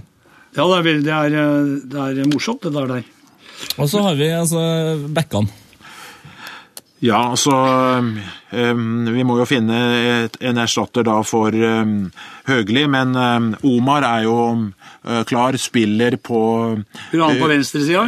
Ja, spiller for, bare for å ha det når spiller for Olympiakos og har vært på Emirates og slått øh, Arsenal og er med på den, den moroa, så er det jo ikke noe tvil. Nei, den er enkel. Så den vanskeligste plassen her er vel eh, den andre bekken, da. Høyrebekken. Ja, det er vanskelig, og der øhm, Men der har vi han Linnes, vel? Ja, jo eh, Det er mye snakk om alle sami òg, Ja. men ja han Alesami er jo jeg, jeg må jo være så ærlig at da jeg var i Sverige på ferie i sommer og traff eh, IFK-supportere og snakket om han, så var jeg litt i tvil. Hva er det de snakker om? Men, og, men eh, han eh, har vært så bra på IFK, så det blir Linnes eller han. det blir Linnes sånn ja. Dere må jo velge en her nå. Ja, det, det er vil du eh, ha siste ordet, da? ja, Nå har jo Linnes også vært litt skadet, så det er jo en um, vurdering det medisinske apparatet og uh, Per-Mathias må ta. Altså, det, det, det er jo klart at dette får vi eh, eh, ta stilling til etter dagens trening, tror jeg. Det er et lurt svar, Da går altså. vi til midtbanen. Men det står mellom de to. Ja, det er det ingen tvil om. Altså På midtbanen så er jo kapteinen Siljan eh, Per eh, Nei, har du med Skjelbred? Ja, han, han kommer til å begynne som kaptein. La oss se hva vi har plass til. da. Vi er med at vi skal ha Stefan med. Ja, Stefan er eh, klar, men altså du, Og så skal vi ha Hans Selnes. Ja, Selnes hadde vært uh... Og så skal vi ha Henriksen. ja, Da har dere bare to eh, plasser igjen, da. ja, og det er eh, Ja, vi har to plasser har vi igjen. tre plasser vi har igjen. én igjen, for vi har allerede tatt ut eh, King. Ja. To Ja men, ja, men altså, Vi har fire i Forsvaret, og så er vi tre på midtbanen. Men nå, nå har Nei, du vi har, fi, vi har fire på Ja, får du ha med Per Siljan? Ja. Ja, Det er der vi ikke er enige. Må vi også se på dagens trening, da. King. Ja, Kroatia-døderen Jo Inge Berg, da. er Han, eh, Ja, han er med. Berget- Berget altså, vi har, la, laget er for, for så Det vidt klart, plass til, det, det er ikke plass til Per Siljan. Jo. Hvem er du på midtbanen? Nei, nå er det spennende her. Altså. Ja, Det er veldig spennende for Selnes, eh, Johansen, Henriksen er Du tre. kjører han helt på kant, da, han sier Ja, nei, Sentralt vil han jo da ikke spille. Det, Men er vi enige om King og Berget på topp? ja. Eh, Så kan du eh, Så det står mellom Ødegård og Siljan her, rett og slett? ja, men jeg tror Ødegaard er en joker som kommer inn, og med hans teknikk så vil han være fi, flink her, og han vil være fint å åpne det forsvaret til Malta. Jeg er redd for at Malta kommer til å ligge veldig dypt med mange og satse på kontringer, og da er det fint å ha en som kan åpne, og der er Ødegaard en fin innhopper. Så, ja, Og jeg innbiller meg at det samspillet du kan få mellom Selnes og Ødegaard Åh, sant? det er, det er, det er, De er kompatible hjerner. Ja, det, er, ja, ja. Det, er, det er der at eh, han Per Siljan ryker ut mitt vedkommende. For, do- for... Så jeg vil ha med Ødegaard fra begynnelsen. Så Siljan kom inn og jobbe på slutten? Ja, altså, Det kommer an på hvordan det går. Jeg tror Ødegaard er jo i knallform. Han er bedre trent. Han, gjør det, han har de beste testene på, på Castilla-laget til Real Madrid, mm. på fysikken. Så man må ikke være begynne redd. altså, det var Mange av oss som var Nei, jeg er ikke redd for det, men jeg jeg er igjen da realist og tenk, prøver å tenke som, eh, som Høgmo vil gjøre, og jeg tror, jeg tror altså at uh, Siljan begynner denne Ja, kampen. men det, det, eh, det, Du tror det for at du tror at Per eh, Mathias kommer til å ta han ut. Ja. Men nå tar vi ut vårt lag, Arne. Og det er mitt poeng at eh, jeg, jeg ser med Per Siljan Vi har jo sittet i messa og brukt uttrykket 'det blir mye virre, virre, virre, vapp'. Altså, Det er fram og tilbake, fram og tilbake. masse sånt? Og så- ser det ut som det går veldig fort med beina, men det går ikke så fort framover. Så, så liksom, det er, jeg mener at vi må tørre nå mot Malta og bruke Ødegaard. Spennende å se Ja. hvem som får rett av dere, men det er tydelig at dere ikke kommer til å enes om Nei, dette. kom- vi enes ikke om det, men Nei, dette, dette Vi kan få hver understreker- sin omgang, da. Dette, det, denne diskusjonen eh, mellom Dan og meg, den understreker bare det vi snakker om bestandig, at fotball er så fantastisk også før kampen begynner. Ja. For det er diskusjonene som er med på å gjøre fotballen til denne idretten som den er verdens viktigste. Ja, og Ja, jeg vil si at eh, Konklusjonen er at vi er uenige om to plasser, Ja. og de blir avgjort på dagens trening. Ja, Det, det synes jeg er et godt uh, svar, og nå skal dere få lov til å svare på litt spørsmål fra våre lyttere òg. Ja vel. Eh, dere er klar for det? Ja, ja. Eh, altså, Første spørsmål her er fra Megafonmannen, eh, som, da, som da er på en måte Han er, han er en av han som styrer synginga på Lerkendal. Ja. Han som står med megafon og er forsanger på Lerkendal. foran, foran kjernen. Og han spør uh, Skeieren hva syns du om korte cornerer? Eh, Det kommer jo litt an Der må jeg svare litt diplomatisk. Ler du, Dan? Ja, han ler. Litt eh, Om de har gode hodespillere i feltet, da vil jeg ha eh, de inn i feltet. Sjansen da er mye større, etter min mening. Disse korte cornerne, hvis de blir ofte rotet bort. Jeg vil ha ballen inne i feltet, og jeg vil ha en, en god hodespiller opp der for å heade den rett i kassa. Ok. Det, da, Fått et spørsmål fra Eirik òg. Nå har han nettopp satt opp et drømmelag, så det er kanskje vanskelig å ta et helt et. Men han, han vil gjerne ha at dere forteller litt om deres favorittspillere fra Norge og England. Så sett opp et slags sånn favorittlag med Oi. norske og engelske spillere. Det er jo litt eh, Har vi, har vi tid til det? Nei, ikke sant? Det er. Der kan jo plukke, men der kan jo eksempel plukke der en eh, norsk og en engelsk spiss, da.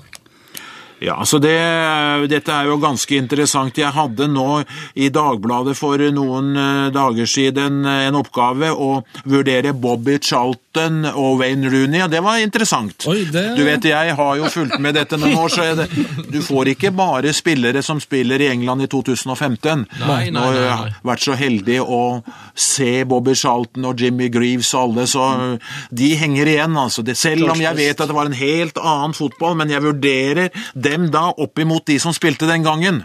ja. Og jeg må, jeg, må til, jeg må jo få lov til å si det, jeg har ikke sagt det til så mange tidligere, men i 1966, spør meg ikke hvorfor, men jeg sto utenfor garderobene på Ullevål når Norge skulle spille mot England, så spør sjefen for den engelske garderoben meg. Jeg kjente ikke ham, har ikke snakket med ham siden. Han spurte meg, har du lyst til å gå inn i den engelske garderoben og hilse på spillerne? Ja, men jeg kan jo ikke gjøre det nå, 20 minutter før avspark. Jo, jeg skal snakke med manager sir Alf Ramsey, så skal vi ordne det. Og der kom jeg altså inn i garderoben til England. Det er et øyeblikk jeg aldri kommer til å glemme. Jeg har vært med på mye, men det er et av høydepunktene. Og der satt de elleve som skulle spille, og hva gjorde de alle sammen? Jo, de satt og drakk te. Te. Med noe godt i? Det var, det var te. Det var det store spørsmålet. Ja, det var fantastisk. Og så igjen tilbake til det du sa, så Bobby Charlton er jo da en av mine favoritter, men den beste engelske spiller, og Dan, hva sier du gjennom tidene? Nei, altså, Jeg var jo veldig svak for George Best, da. Ja, men eh, han er jo fra Nord-Irland, da, så det er Ja, ålreit. Det er han, men det er for meg en del av eh, Du går for Storbritannia? Ja, ja, ja, men altså eh, Jeg ja, jeg er helt enig med Bobby Charlton. Altså det, er, eh, altså det er noen av de øyeblikkene som fester seg fra da du er guttunge. ikke sant? Ja. Eh, altså, og, det glemmer du ikke. altså det, er jo trist, det har vært trist i mange år for å være fan av Crystal Palace. Eh, eh, Men det var jo bare fordi at jeg var, da jeg var i Frelsesarmeen som guttunge, så var vi i London på Frelsesarmeens 100-årsjubileum i 1965. Og da var det en sånn såkalt Open Field Day, altså sånn utendørsdag. Ja. Og det foregikk på Crystal Palace.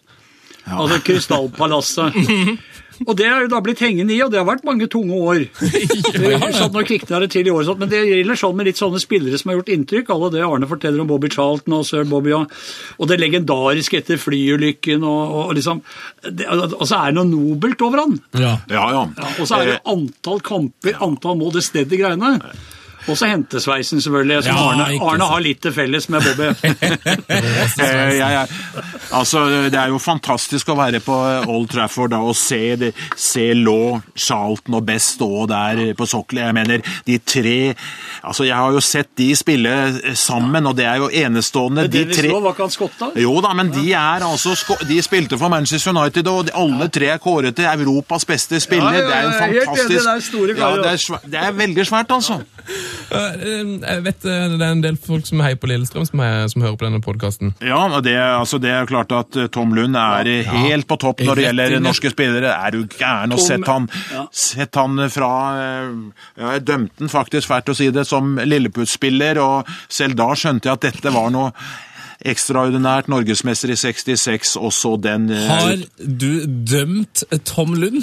Det har jeg gjort, ja. Det er jo helt uh, Altså Til og med jeg som ikke har sett den uh, live, for å si det mildt. Så Nei. det er jo helt fantastisk. Ja.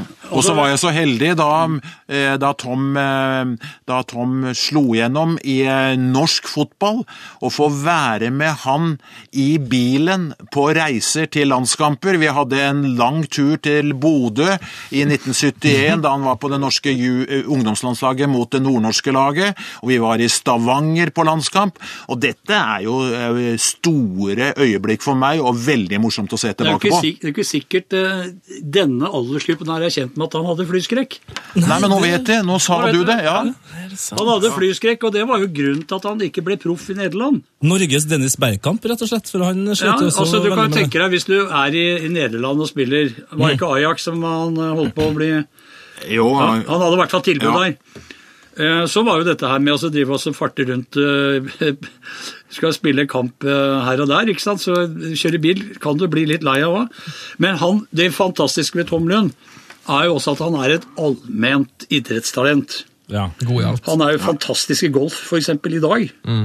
Ikke sant? Og, og alle vet hvor vanskelig det er, som har prøvd det. Ja, det Eh, og det steget hans, det er klart at han er, fremstår som uh, Han og Halvard Thoresen må jeg jo si er de som rager høyest i eh, I din bok. Ja, i eh, Dette er jo egentlig ikke min bok, for at hvis dere husker for et par år siden, når eh, Knut Nesbø og Arne hadde legendariske julekalenderen, hvor de kåret for hver julekalender så kåret de liksom spiller nummer 24, ikke sant, på lista, og så gikk de opp til eneren og på julaften. Hvem dukket opp der? Halvard Thoresen. Og poenget var at det, når to sånne fotballkapasiteter som dette er, bruker masse tid på å sette seg systematisk ned og se på resultater, prestasjoner og vurderinger, så skal man lytte til det. Ja, lykt. Jeg tror Tom Lund var på annenplass. Ja, vi hadde, det var, er bestandig et vanskelig valg. det Han der. var på lille julaften, han. Ja. Ja, men det Lille julaften er blitt bare større og større. Det. Ja. Tom Lund hovmester. Nei, det, er, det er jo veldig Vi har jo hatt veldig mange gode spillere. Jeg glem, vi glemmer jo ikke Harald Berg, og vi glemmer ikke Odd Iversen, og vi glemmer ikke Ole Gunnar Solskjær. Så dette er veldig, veldig vanskelig, og det bør jo være for alltid. Det å sette sammen Engelskmenn har problemer med å, å sette sammen vi, har, vi som sitter litt på avstand, har jo problemer med å finne den beste engelske spiller òg. Ja. Vi er veldig begeistret for Bobby Charlton, vi er begeistret, jeg er begeistret for Wayne Rooney, osv., osv. Det samme på internasjonalt nivå. Hvem er best av Messi og, og Maradona i historisk perspektiv, og Ronaldo og sånt. Ja. Det blir litt sånn like dislike. Ja. Ja, det, det er rett og slett et ordentlig dilemma, eh, hvis du skal si eh, Men igjen- Messi eller i- eh, Ronaldo. Ja, igjen, Det det. dette er med på å gjøre fotballen så stor som den er. Spesielt når vi skal fylle et lengre radioprogram, så er det godt at vi kan ta alle disse perspektivene inn. Åh, dette radioprogrammet nærmer seg dessverre slutten, men um... Vi har jo ikke kommet til annen omgang ennå. Nei, det, er- det er helt forferdelig. vi Men får ta andre omgang en annen gang. Ja. det gjør, altså, hvis Norge kommer til EM, så, så, er, så må, vi, jo- må vi møtes igjen. Da må vi Det må vi. Da må vi lage dette programmet. Ja, ja. Vi får jo håpe at Norge spiller der nede i, i Marseille-regionen. Det hadde vært fantastisk. Får vi dere ned i knestående på lørdag hvis vi slår Malta? Eh, Ja, hvis vi slår altså, ja. Men Malta skal vi slå. Ja. Altså, jeg eh, må si at Du eh, fokuserer på Italia. Ja, uh, og vi er litt avhengig av de andre prestasjonene også. Vi har hatt nedturer i fotballen, det vet alle i Norge. Men skulle vi ikke slå Malta, så vil det være en av tidenes nedturer for norsk fotball. Ja, Og virkelig et bevis på at vi har ingenting i EM å gjøre. Ja, så Det blir en ærlig sak. Det, er- det er jo litt litt fint.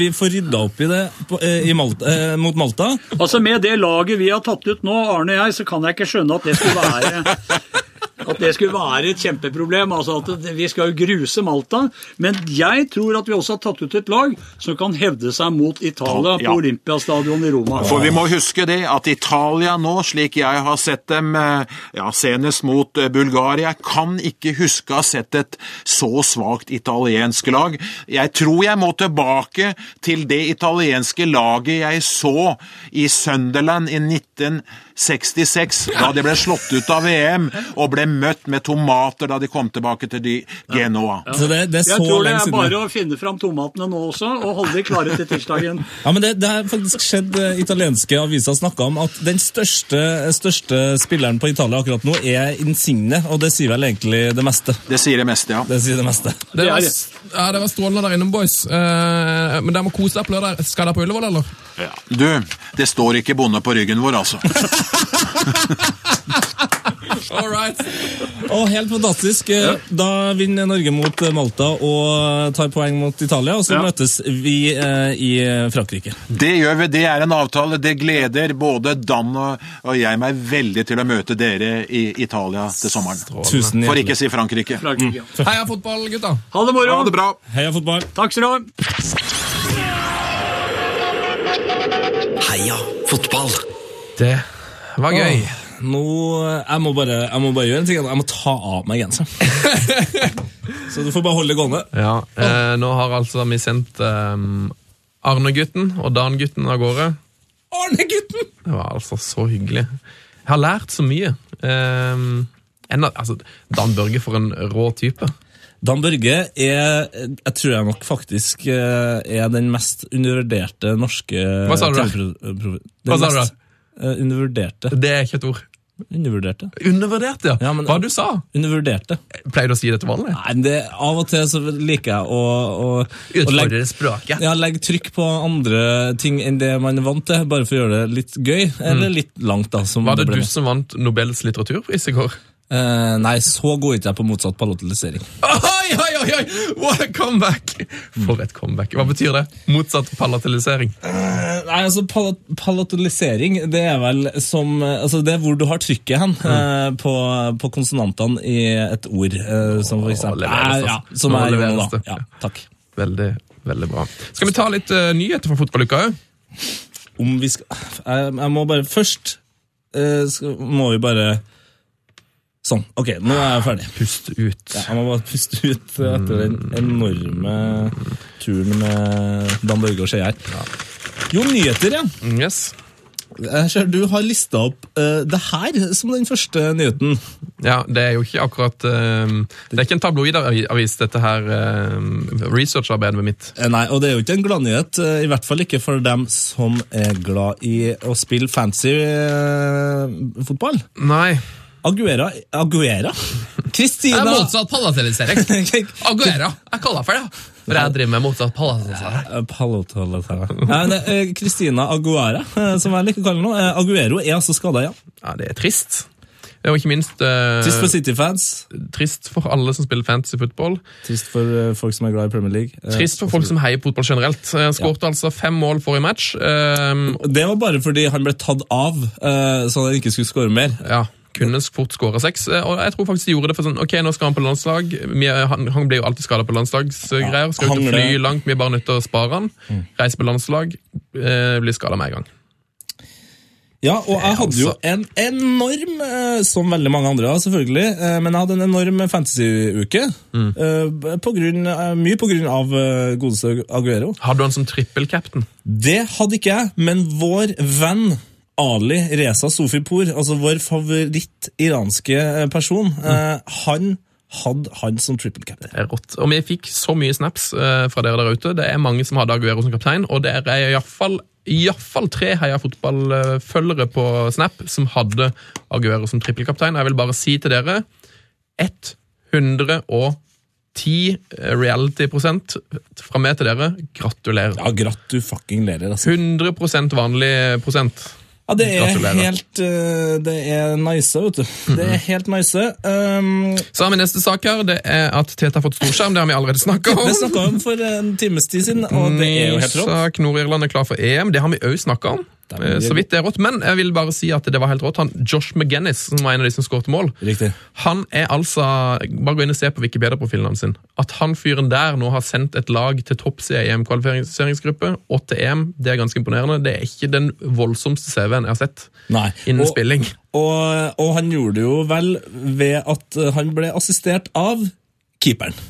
Nei, det var Irland. Nei, det var Irland-kampen! Det var Shane Long. Ja, det var Shane Long. Ja. Ja, Shane Long satt Og- han jo i 69. minutt, vet du, mot Ja. Tyskland. Og er det et spiller jeg liker som ikke er spesielt god, men akkurat passer god nok, så er det Shane Long. altså. Jeg liker stilen hans. Ja, Han er litt sånn, litt frustrerende spiller, for uh, han har noen kamper i året hvor han er helt fenomenal. Sykt god. Og så tror- lange perioder hvor han ikke fått det ennå. Jeg tror Shane Long er en av de beste i Premier League i five-side. Det er jeg helt sikker på.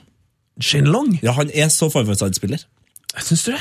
Tenk deg litt synes- grann, Hvordan skårer han ofte mål? Han, av og til da, når han skårer målene, så er det så det, det er vending. Han er mye bedre, til, mye bedre teknisk enn man tror. vet du. Yes. Vending og blæsing. Og så er han stor, sterk. Kjempe five-side-spiller, altså. Ja, han er kanskje det. Ja, han er det. det. Det er akkurat det som er problemet. For jeg hadde tenkt five-side, så hadde jeg plukka um, sånne spillere som Aguero, Coutinho, Sterling. ja, Hazard Men du skal ha en sånn Blæser. broiler uh, og blæser. Han han kan spille forsvar han, i five-side. Hmm. Og bare vend. Hvem tror du er de defensive midtbanespillerne som er best i Premier League? Sånn, når vi tenker sånn Matic, Schweinsteiger Mikkel. Mikkel? Bare basert på eh, den teknikken han fikk lov til å vise i Tippeligaen. Ja, i Lyntida. Hei til alle Lynfans der ute. Men så har det jo skjedd uh, ting Uh, Vi rakk jo i bonuspodkasten, som kanskje ikke alle dere snakka, nei, har uh, hørt, eh, så rakk vi å snakke litt om at Brendan Rodgers uh, fikk spiken. Ja. Farvel, Brendan. Velkommen, Og- Jørgen Klopp. Da kom klopperen inn, altså. For en klopper. Kan vi kloppe han inn? Ja.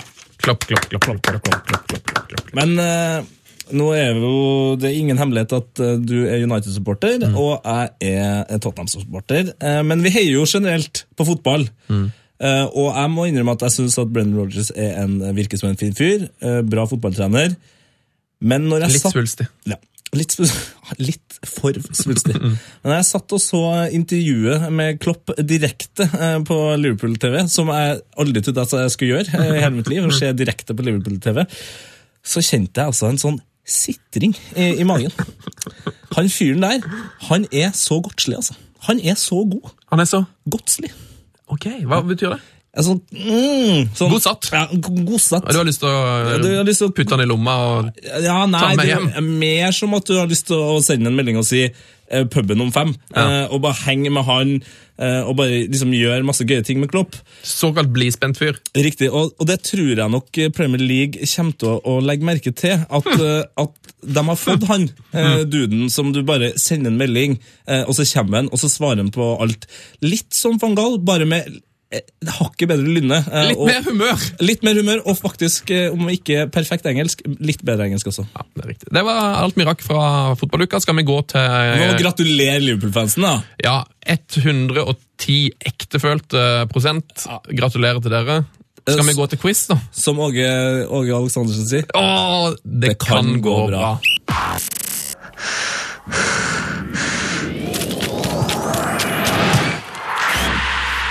P3s Heia fotball med Tete Lidbom og Sven Biskår Sunde. Quiz, quiz, quiz, quiz, quiz, quiz, quiz, quiz, quiz, quiz. Vi har begynt på en ny quiz, og den er veldig gøy, fordi at uh, vi har hatt skal du begynne å kalle det for quisling, eller? quisling. Nei, det skal vi ikke. Nei, det skal vi ikke. Det blir så kjipt når du har uh, gjester som er med inn gjennom quizen. Så bare, velkommen til Quisling. Det Ja, nei, det, blir, det blir dårlig stemning. kan, bli, det kan bli tungt.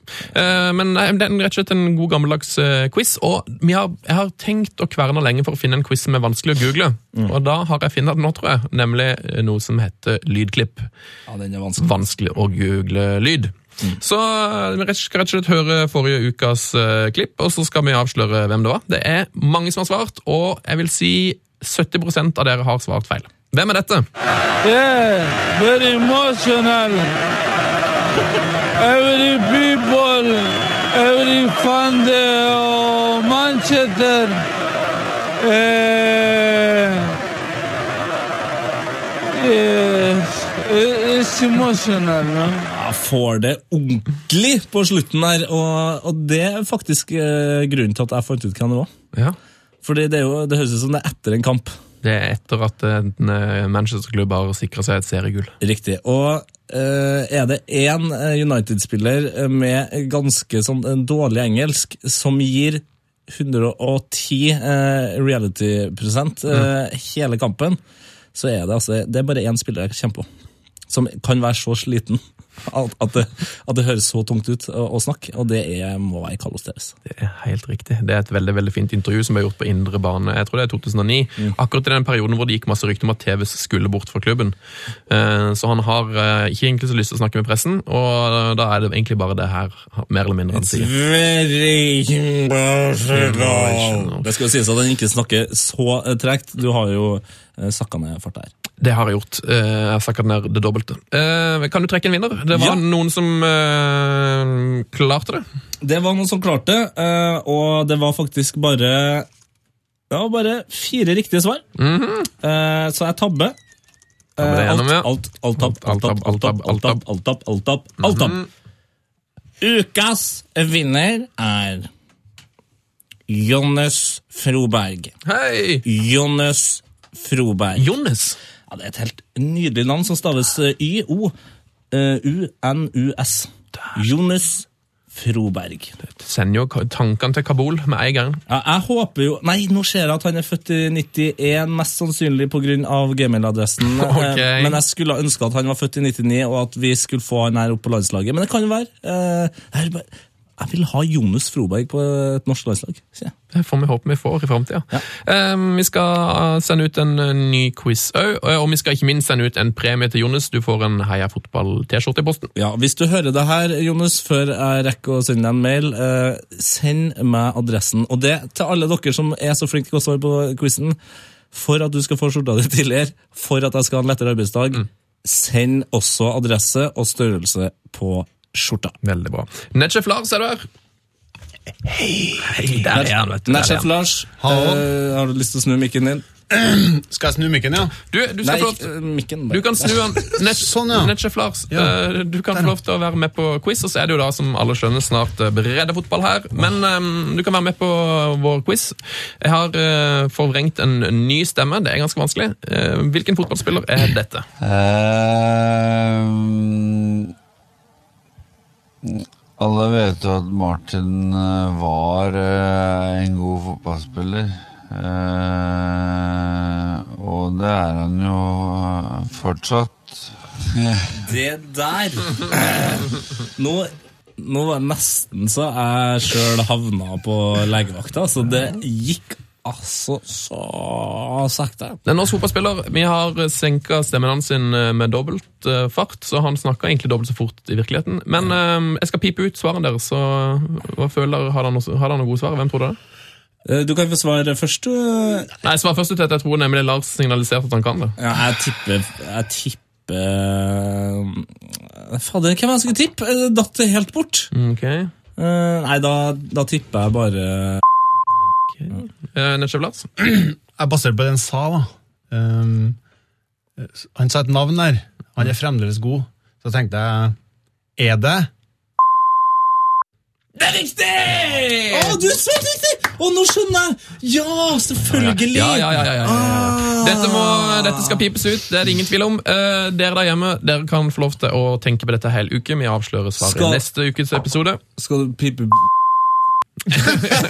Ah, må pipe ut der, ja. Heia fotball, krøllalfa.nrk.no er vår adresse, og husk da altså å sende med eh, T-skjortestørrelse, og ikke minst adresse! Steinkjer, Steinkjer, Steinkjer. Det er ingen som vi, som fotballag som vi. Gå nå på, så skal vi sjå. Kan slå SJFK. Nettsjef-Lars, velkommen til oss. Takk skal du ha. Igjen, Hei. igjen. Ja, Eh, Det er klart for eh, litt nyheter fra breddefotball. ja, og det er jo ei herlig tid Oi! nå. Ja. Det er mange spennende oppgjør på tampen av sesongen, og nedi breddefotballen så er det jo veldig mye opprykk og nedrykk. Ja, og det er vel eh, Det har jo kommet seg såpass på breddestadionene at det er flomlys på Nonna. På Nonna er Så det er- flom og flom, fru Blom, men Det er litt lys er i hvert fall, ja. Det er, gatelys det er lys og mye varme. Ja, må- å, det er det, ja. Eh, sant, det er mye tøffe lokaloppgjør. Vi, er for, eh, vi ble jo for eksempel eh, invitert til Steinkjer Verdal i tredje divisjon Ja. på lørdag. Og så ble vi invitert til Jonsvannet Vestbyen, Ikke sant? eh, der eh, vinneren tar steget opp til fjerde div. Skal da på noen av disse kampene Jeg er bortreist i dåp i helga, så jeg kan ikke få sett noe bredde, dessverre. Hvor er dåp hen? Eh, I Landsvika. Et sted i Landsvika som heter dåp? Jeg skal at i du en ble bort, jeg skal bortreist i dåp? Barnedåp, ja. Ja, jeg er bortreist i dåp. Ja, eh, du skal i dåp, ja. Ja, jeg heter det ikke å være bortreist i dåp, jeg, så for meg at du skulle til eh, Tsjekkia. eller sånn, Dåp. Oh, ja.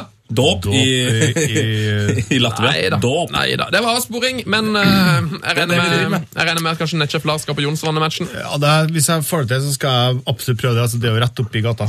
Veldig fint. Rett oppi gata! Veldig fint med så mange som sender inn tips med vår e-post heiafotballkrøllalfa.nrk.no. Det må vi bare uh, gjenta. Ja, med. har fått uh, et par tips som jeg skal lese opp. Og det er ett fra Hei, Mats! Hei. Mats, Kanskje vi ikke skal skrive det. Si det. Vi har pipet ut. Pipet det det også. Helsike, nå pipes det mye. Jeg elsker jo det. Nei, vi må piper ut! Eh, nå.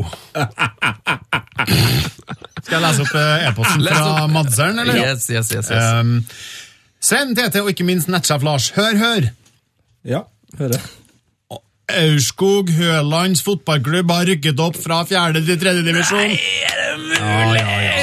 Gratulerer. Gratulerer. Dette ble klart i går etter at laget på tredjeplass, Fett IL, Selvfølgelig. kun spilte uavgjort mot Skedsmo 2 inne på Skedsmo kunstgress. Eh, og ikke nok med det, sier han her. Aurskog Høland topper tabellen foran Lørenskog 2 og står nå med 63 poeng og 24 spilte kamper. Det er to kamper igjen. Ja, Hvis disse vinnes, vil vi stå som kretsmestere med Helt korrekt. Hvor mange poeng? 69 jeg, jeg, jeg, alle, altså, Som kretsmestere Hvor gamle er menneskene? Aner ikke hvor gamle de er. ja, de spiller jo i tredje da, i Ja. neste års sesong. Altså, for, forhåpentligvis så er de jo alle spillerne gamle nok til en god gammeldags 69 der. Hei. Hei. Sånn program skal ikke vi bli. Uh, benytter anledningen til å tappe for, tapp, takke for supre sendinger. Tapp og tapp. Hilsen Mats Sæter, spiller og ildsjel i, ildsjel i Hva da? Ildsjel i Aurskog Høland fotballklubb. Tapp for det. Tapp for det. tapp for eh, tips.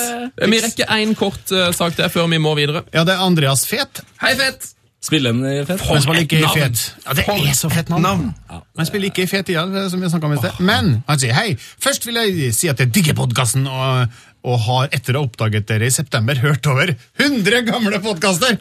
Det er langt over 100 timer. Det er, langt, det er over 200 timer. Jeg tror ikke vi har lagd 100 Nei, podkaster, så da må han ha hørt ting om igjen. Det er stas.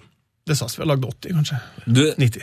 lite tips her. Jeg håper du Du må huske på å sove òg, da. Og spise. Mm. Ja, Husk å hydrere. Jeg skal lese opp en ganske kjapt. Grunnen til at jeg skriver til eh, dere, er mitt eget fotballags prestasjoner på fotballbanen. I Oslo er vi en gjeng med tidligere fotballspillere fra Ålesund og omegn. Vi startet derfor i 2002 opp et fotballag for utflyttere i hovedstaden for å kose oss på gressmatta og i sosiale lag. Laget ble hetende FK Brosundet etter midtpunktet i Ålesund. Ah.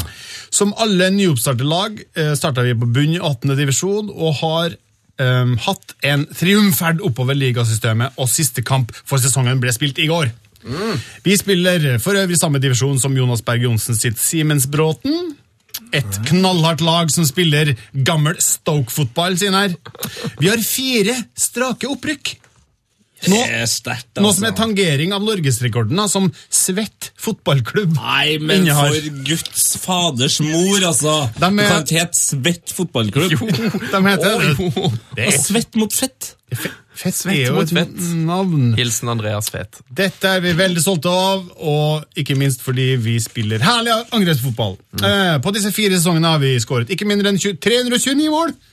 Neste år skal vi da eh, spille fjerdedivisjon, uh, og de gleder seg godt. De vil trekke fram en De har faktisk en spiller med egen Wikipedia-side her. Oi! Thomas Giertz. Sistnevnte var god. eh, altså han da, Giertz var god eh, når han var 18. Han fikk tilbud om scholarship på Harvard. Valgte å takke nei for å satse på fotballkarrieren i Norge. Nå har han kanskje angrer på noe, som uutdanna 31-åring. Eh, Eh, jeg, jeg tror han er kaptein, for da var det Thomas Giertz El Capitano. Ja, ja, Giertz. ja, ja. Gjørtskjelsen. Her ser du ja. ja. Jeg likte humoren til Tete når jeg tok den. Tok bare Takk. fryktelig lang tid. Eh, Kan jeg ha et spørsmål? Fordi vi er jo såpass transparent eh, podkast at du har nå gitt meg et post og brev. Jeg tenkte vi skulle ta det i post og brevet, som er rett rundt hjørnet her. Ja, for det, men jeg vet at eh, Lars har det travelt, og jeg vil gjerne at han skal være med på min nye spalte. Så kan vi ta den først. Ok. Ok. Eh, Kan vi det? Ja. Um, er det, er det sjølve, eller? Det er sjølve, ja. Da går vi til den.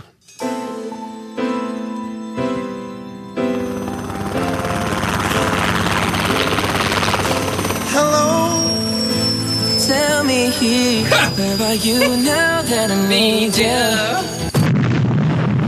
Oh yes! Velkommen til min eh, spalte som jeg tror heter Hvor er du? Eh, rett og slett. Og det er jo der jeg rett og slett eh, skal prøve å lete fram spillere som jeg lurer så fryktelig på hvor har blitt av. Eh, og sist så tok jeg jo faktisk da Kim eh, Kjellstrøm, som overraska både deg, Sven, og Jonas Berg Johnsen. Ja. Eh, Han var i fakt- dere visste rett og, slett, rett og slett ikke hvor eh, den var. Eller han var. Jeg har også fått eh, en Twitter-update her fra Marius Dragsnes, som spurte om jeg kunne lage en fullversjon av sangen. Jeg har lovt ham at jeg skal gjøre det, uh, altså jingelen. Oi, Eh, jeg skal gjøre det når jeg har tid. så kult. Da kommer den ut på vår Soundcloud. Der har vi faktisk en liten konto. Det har vi. Men uansett, da. Uh, hovedmålet eh, når vi kommer dit er, med den spalten her, er jo faktisk ringe klubbene, men det har jeg ikke rukket denne uka. her. eller? Ok! Men jeg har funnet en helt fantastisk spiller. En, helt, altså, en spiller som kanskje ikke er like kjent som Kim Kjellstrøm for oss uh, her oppe i, i nord. Men du verden, altså.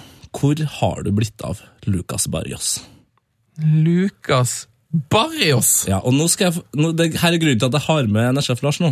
Og det er grunnen til at jeg også har Lucas Barrios. For Det er ikke sikkert at alle dere husker hvem han er, men under Jørgen Klopp så var han også med og vant eh, seriemesterskapet i Tyskland eh, med Dortmund i 2010-2011-sesongen, hvis jeg ikke tar helt feil. Og da var han også Han var Dortmund sin toppskårer med 16 mål den sesongen. Altså, toppskårer den sesongen. 16 mål. Lukas Barrios. Lukas Barrios. Du må få sjekka den dysleksien din, Tete. Nei, det er ikke en dysleksi, det er mer en uh, Hva har du kaller for palatalisering? motsatt eh, med en del slurv i språket. Okay. Uansett. Lukas Barrios, hvor er han? Ja, jeg tipper han Hvis han var i Tyskland Er, er han tysker, eller? Eh, Lucas er argentinsk. Ok, Da tipper jeg han er tilbake i Argentina. Nei, han er ikke argentinsk. sorry. Han er født i Argentina. Han er fra Paraguay. Hermin. Ok. Jeg tipper han er tilbake i Argentina. Jeg tipper han spiller nå i Vélez Sarsfield, hvor han har slitt med en stygg skade, og nå har skåret tre mål i år, men er skada igjen. Du har riktig på én av dem. Han har skåret tre mål i år. Ok. Oi. Han eh, Vil du tippe? Nei. Nei, det, det tør, du tør rett og slett ikke. Han dro altså fra eh, Dortmund mest pga. at Lewandowski kom, selvfølgelig. Det er jo en ærlig sak å bare stikke stikk av. Eh, da dro han selvfølgelig til vår favorittklubb i Kina. Guangzhou Evergrande. Riktig. Nei. Jo da, Der spilte han 31 kamper, 13 mål. Og så dro han eh, til Spartak Moskva. 16 kamper, to mål. Så for han på lån til Montepierre i Frankrike. Montpellier. Ja, jeg sier Montepierre. Ja, om Mye han artig. spiller sesongen. 31 kamper, 11 mål. Nå spiller han altså i Palmeiras. Palmeiras Oi. do Brasil! Han er bare 30 år. Helsike. Blir 31, men altså, Lucas Barrios, hvor i helsike ble det av det? Ingen Ingen som vet før nå.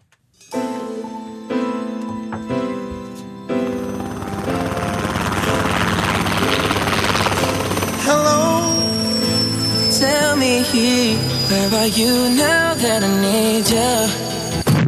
Nettsjef Lars, er du her ennå? Ja. Så bra. Um, Har du jeg, lyst til å være her? eh? Eh, ja, kan, Kan jeg være ba- her en stund, ja. ja, for, for jeg trenger noen på kor nå. Så kan du bare fukte strupen. Ok. Post og brevet, post og brevet, post og brevet. Post og brevet, vi har fått post fra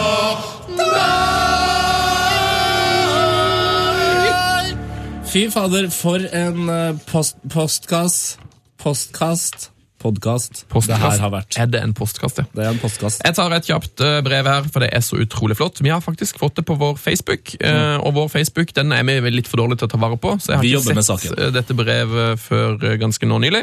Det er fra en som heter eh, Marius, og han har altså skrevet en, en veldig gøy greie her. Hva gjør man over en kaffekopp med min gode venn Dag Inge Nilsen? Spørsmålstegn. Eh, drikk kaffe. Sette opp et drømmelag, kanskje? I går satte vi i alle fall opp et drømmelag over spillere Chelsea har kvittet seg med de seneste sesongene. Formasjonen 3-5-2 passet best i forhold til hvilke elleve som vi anså som best. Hør på dette laget. Det er et slags drømmelag for West Bromwich. Det, eller andre. Ja, faktisk. Jeg vil si de er faktisk enda bedre. I mål Peter Check. Det er greit. Forsvar Filipe Louis, David Louis, Jeffrey Bruma. Å, Jeffrey! Sentral midtbane Frank Lampard. Kevin De Braune. Så har du et par greie vinger. da. André Schürle. eh, Juan Cuadrado. Å, Cuadrado. Og så har du i eh, hålet Juan Mata. I hålet. Er det det dere kaller det på Sørlandet? Ja, Trequista-rollen, liksom? ja ligger i hålet. Ja, Det er, det er, du, du skjønte det, Lars? Ja, vi skjønner jo hvor det er. Ja, ja. Det er ikke så mange som sier trequista. Hva du sa, trequista, det er vel kanskje ikke helt riktig, men det, det er omvendt palatalisering, selvfølgelig. Ja, Eh, på topp så har de da Didier Drogba og Romelu, Romelu Lukaku. Eh, lurer på hvordan dette Chelsea-laget kunne gjort i kamp mot dagens lag. Det er, det der er sterkt lag. For dem som lurer, så er det trequartista eh, med vanlig palatalisering. Ok, 110% vanlig eh, palatalisering. Okay. ok. Eh, vi skal ta en aller siste brevet, og den er vel du som har fått sett for? Det her er i rekken av mine favorittbrevet, eh, så er den her på eh, en god andreplass. For dem som husker sist brev, post- og brevespalte. Den er sendt fra Magnus Fjelstad. Hei, Magnus! Heia fotball. Heia fotball, Magnus. Og her står det på mitt A4-ark, så miljøvennlig som vi er, så har vi skrevet ut det her. Der står det Vidar Bahus. Sendt fra min iPhone. Bare vent litt, du må ta den en gang til. Jeg, bare, jeg fikk ikke med helt hva du sa. Det er vanskelig. Fra Magnus Ta, Fjelstad. ta hele mailen. Fra Magnus Fjelstad. Ja. Sendt 7. oktober 2015, 8.33, til Heia Fotball. Ikke nevne Vidar Bahus. Sendt fra min iPhone. Nei, da tror jeg jeg fikk det. Jeg tror jeg fikk det der. Post og brevet, post og brevet. Post og brevet, vi har fått post fra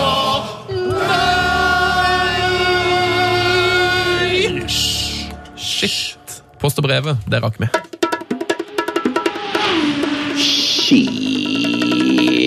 Det rakk vi ikke. Oh, yes. Chop, chop, kjapp! Du, Vi har såpass dårlig tid i dag at eh, Post og brevet skal vi Nei, Post og brevet, sier. Shit, skal vi dundre gjennom. Yes. Og Sven, jeg syns at du skal få lov til å starte. Å nei! Uh, og jo, og jo, og jo. spalte. Ja, men jeg syns at du skal få lov til å starte. Shit, vi rakk ikke å snakke om at Memphis Depay boikotter nederlandsk presse. Uh, fordi at de har mobba Depay for at han går med ekstremt uh, mye snodige klær. Det er jo Det rakk vi ikke snakke om dette før! Det er helt riktig. da. Vi rakk ikke å snakke om at uh, denne månedens MLS-spiller er Didier Drogba. Nei, rakk meg ikke det? Seks kamper, åtte mål. Seks Snakk kamper, Rakk åtte ikke mål. snakke om det. Det gjør ikke. Har du en til? Jeg rakk heller ikke snakke om at Usain Bolt uh, har tapt et veddemål. Uh, Bolt er jo som kjent en stor fan av fotballklubben Manchester United og hadde vedda med en meksikansk TV-stjerne om utfallet av Arsenal-Manchester United i helgen.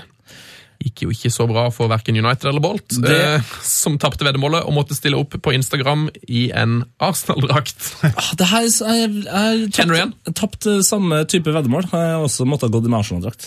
Eller jeg måtte stå, faktisk stå og spille plater i Arsenal-drakt og bøttehatt.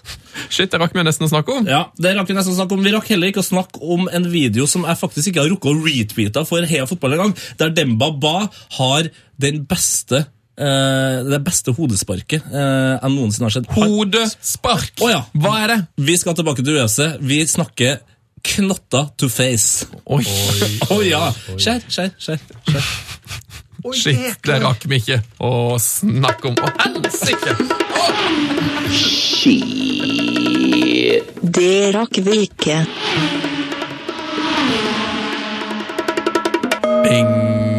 Det nærmer seg slutten. Bare minne om da altså at uh, vårt uh, event på Mellomveien Netchef Lars oh, er det i ferd med å bli utsolgt allerede. Ja, vi har solgt uh, 50% Ja, så hvis dere vil ha billetter til vårt event på Mellomveien, hvor vi skal vise Norge-Brasil neste fredag, så må dere komme der inn på p3.no og finne lenker der det er eh, salgsmuligheter. Det må dere, og hvis dere ikke verken får billett eller bor i Trondheimsområdet, så er det jo så enkelt som at man bare tar sine beste venner, familie eh, og, og andre folk som er i nærheten, om det da er en flyktning eller om det er en prest. Eh, Samle eh, menneskene her i stua, gå ned i kjelleren, finne dine beste Norge-effekter. Effekter. Altså den der hjelmen eh, med noe horn og noe flagg på. Ta opp eh, 17. mai-flagget. Ta fram den gamle minidrakta. Altså, få på Norge-effektene. Sett dere klar til klokka åtte, for da sendes altså eh, Norge-Brasil eh, fra Marseille direkte på NRK nett-TV. Smell det opp på TV. Eh, Mac eller eh, forhåpentligvis sånn som jeg har. Storskjerm. Stor- storskjerm. Linux. Ja. ja, du kan bruke Linux for å skjønne. Ja. Ja, ja. Ja, ja, ja. Gjør det her. Det er, altså, og så går man ut etter kampen, hvis det går bra, da, og feire som det var en uh, sankthansaften. Ja, hvis det går bra, ja, det er jo ikke sikkert. Det er jo ganske sterkt lag vi skal møte. Nei, For det er jo den andre tingen med den kampen her. er At, altså, hele grunnen til at vi viser den, er jo for å samle inn penger til Ja, Regnskogen. det det. Og derfor kjører vi også da eh, mm. eh, på, på SMS. Eh, det er vel P3A til 1980 Nei, jeg husker faktisk ikke nummeret. 21-33. Ja, ja, for vi har bytta nummer, ja. Ja. Det er da P3A til 2133. 25 kroner per melding. Send så mange måltips du bare gidder. Eh, altså, den kampen her kan gå alle veier. Det er viktig at den konkurransen der, eller nummeret her, ikke er åpent før onsdag eh, under P3-aksjonen. Riktig. Så da kan du tipse og gi penger til Regnskogen, samtidig som du da er i en konkurranse om å vinne ganske eh, fete premier. Det er. Eller Som, som Det er for, forspill skrives hvetepremie.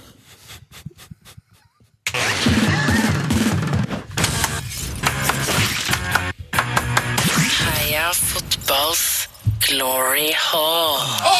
Oh, yes! Det er på tide med Heia Fotballs Glory Hall, og det blir jo spennende å se hvordan det går når dette antageligvis skal framføres med omvendt palatalisering fra Tete-gutten. Nå skal nok gå inn i en rolle i dag, eh, fordi det er ikke jeg som har skrevet eh, denne eh, Glory Hall. Nei, det er en lytterhall! Det er en lytterhall. Fra Mats?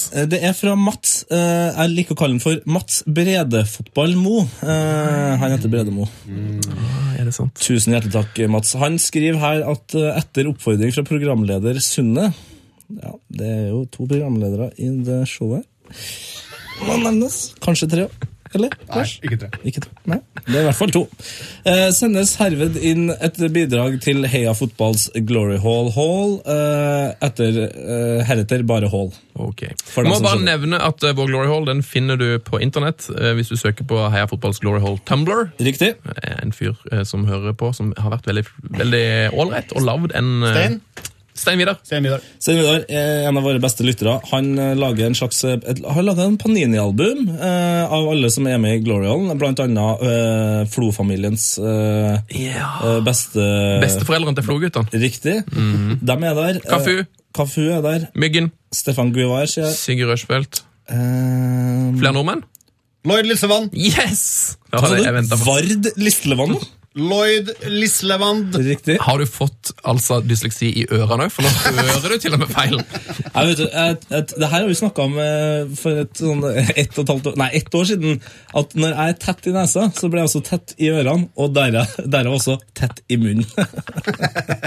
så det, det er det som er problemet her. Jeg er så tett. Du, Lykke til med dagens Glorold Dette blir koselig. Eh, Og takk til Mats som sender inn Glorold Fortsett med det, alle sammen. Du, er Battistuta i Kløran, eller? Det er han. Kjør musikk.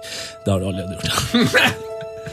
Dagens gloryholder vil jeg karakterisere som tidenes rollespiller.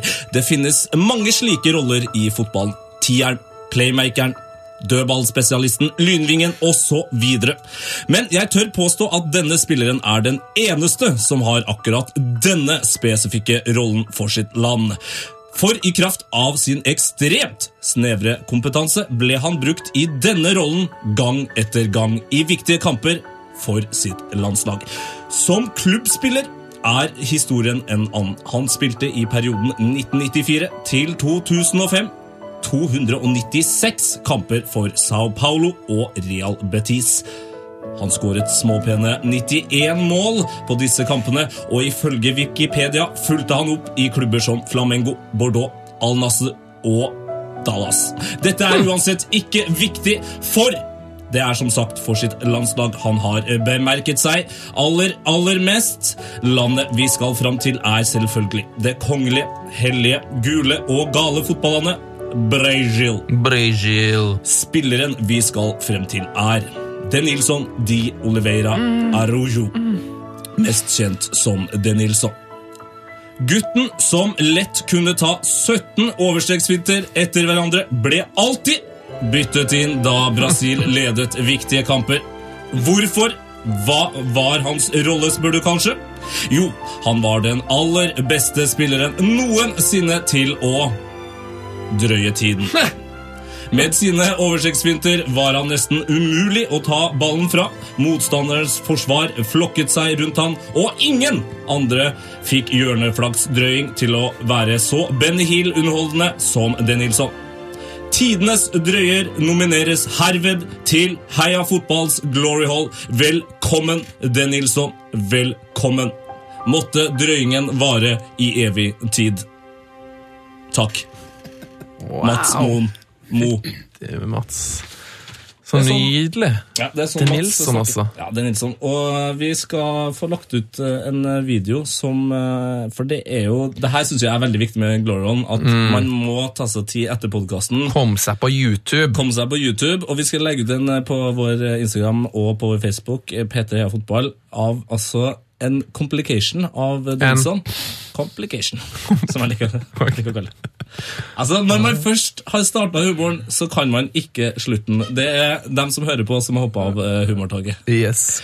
Sjekk ut Tets Tete Complication. Den finner du på vår Instagram og på vår eh, Twitter. Der er det mange fine klipp av Den Nilsson som blir altså kjeppjaga av sinte motspillere som prøver å ta fram ballen uten å lykkes i særlig stor grad. Det er spesielt fra VM Det er 98 en, der, tror jeg. en Tyrkia-kamp der. Det er en Tyrkia-kamp der, der det er også uh, opptil flere Jeg tror det er tre eller fire situasjoner eh, ved hjørnesparket der, nei, hjørneflagget der, der altså han har en sånn sju-åtte spillere eh, som er altså, de er så forbanna irriterte etter hvert. Altså. Og han står bare og overstegsfinter.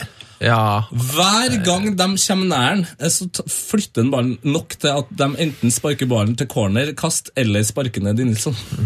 Ja, det er nydelig. Det er nydelig. Det er helt fantastisk. Fantastisk. Velkommen i vår Glory Hall, eh, De Nilsson. Eh, tusen takk for at eh, dere der hjemme har eh, hørt på. Og hvis du har en kompis som ikke har hørt på oss, eh, si at det er mulig å sjekke oss ut i iTunes. Last ned podkasten. Det blir vi kjempeglade for. Og der er det jo helt strålende å også trykke på fem stjerner. Kommenter gjerne. Vi skal huske på å, å, å snakke litt mer om de beste kommentarene der. Eh, Fordi altså, Foreløpig så leder fortsatt i hvert fall sånn emnefeltet Come eh, shot i øret. Eh, så sjekk om du klarer å overgå den. Ikke overgå den. ok, den. God helg og heia fotball! Frank de Boer speelt de bal. Heel goed naar Dennis Bergkamp. Dennis Bergkamp. Dennis Bergkamp neemt de bal aan. Dennis Bergkamp. Dennis Bergkamp. Dennis Bergkamp. Dennis Bergkamp. Dennis Bergkamp. Oh! Frank de Boer speelt de bal naar Dennis Bergkamp. Die neemt de bal feilloos aan. En Erik schiet de bal Vi We nå opp i 20 sekunder! Det er spillerskap! P3s Heia fotball. Ny episode hver fredag. Last ned din nye favorittpodkast på p3.no podkast. P3.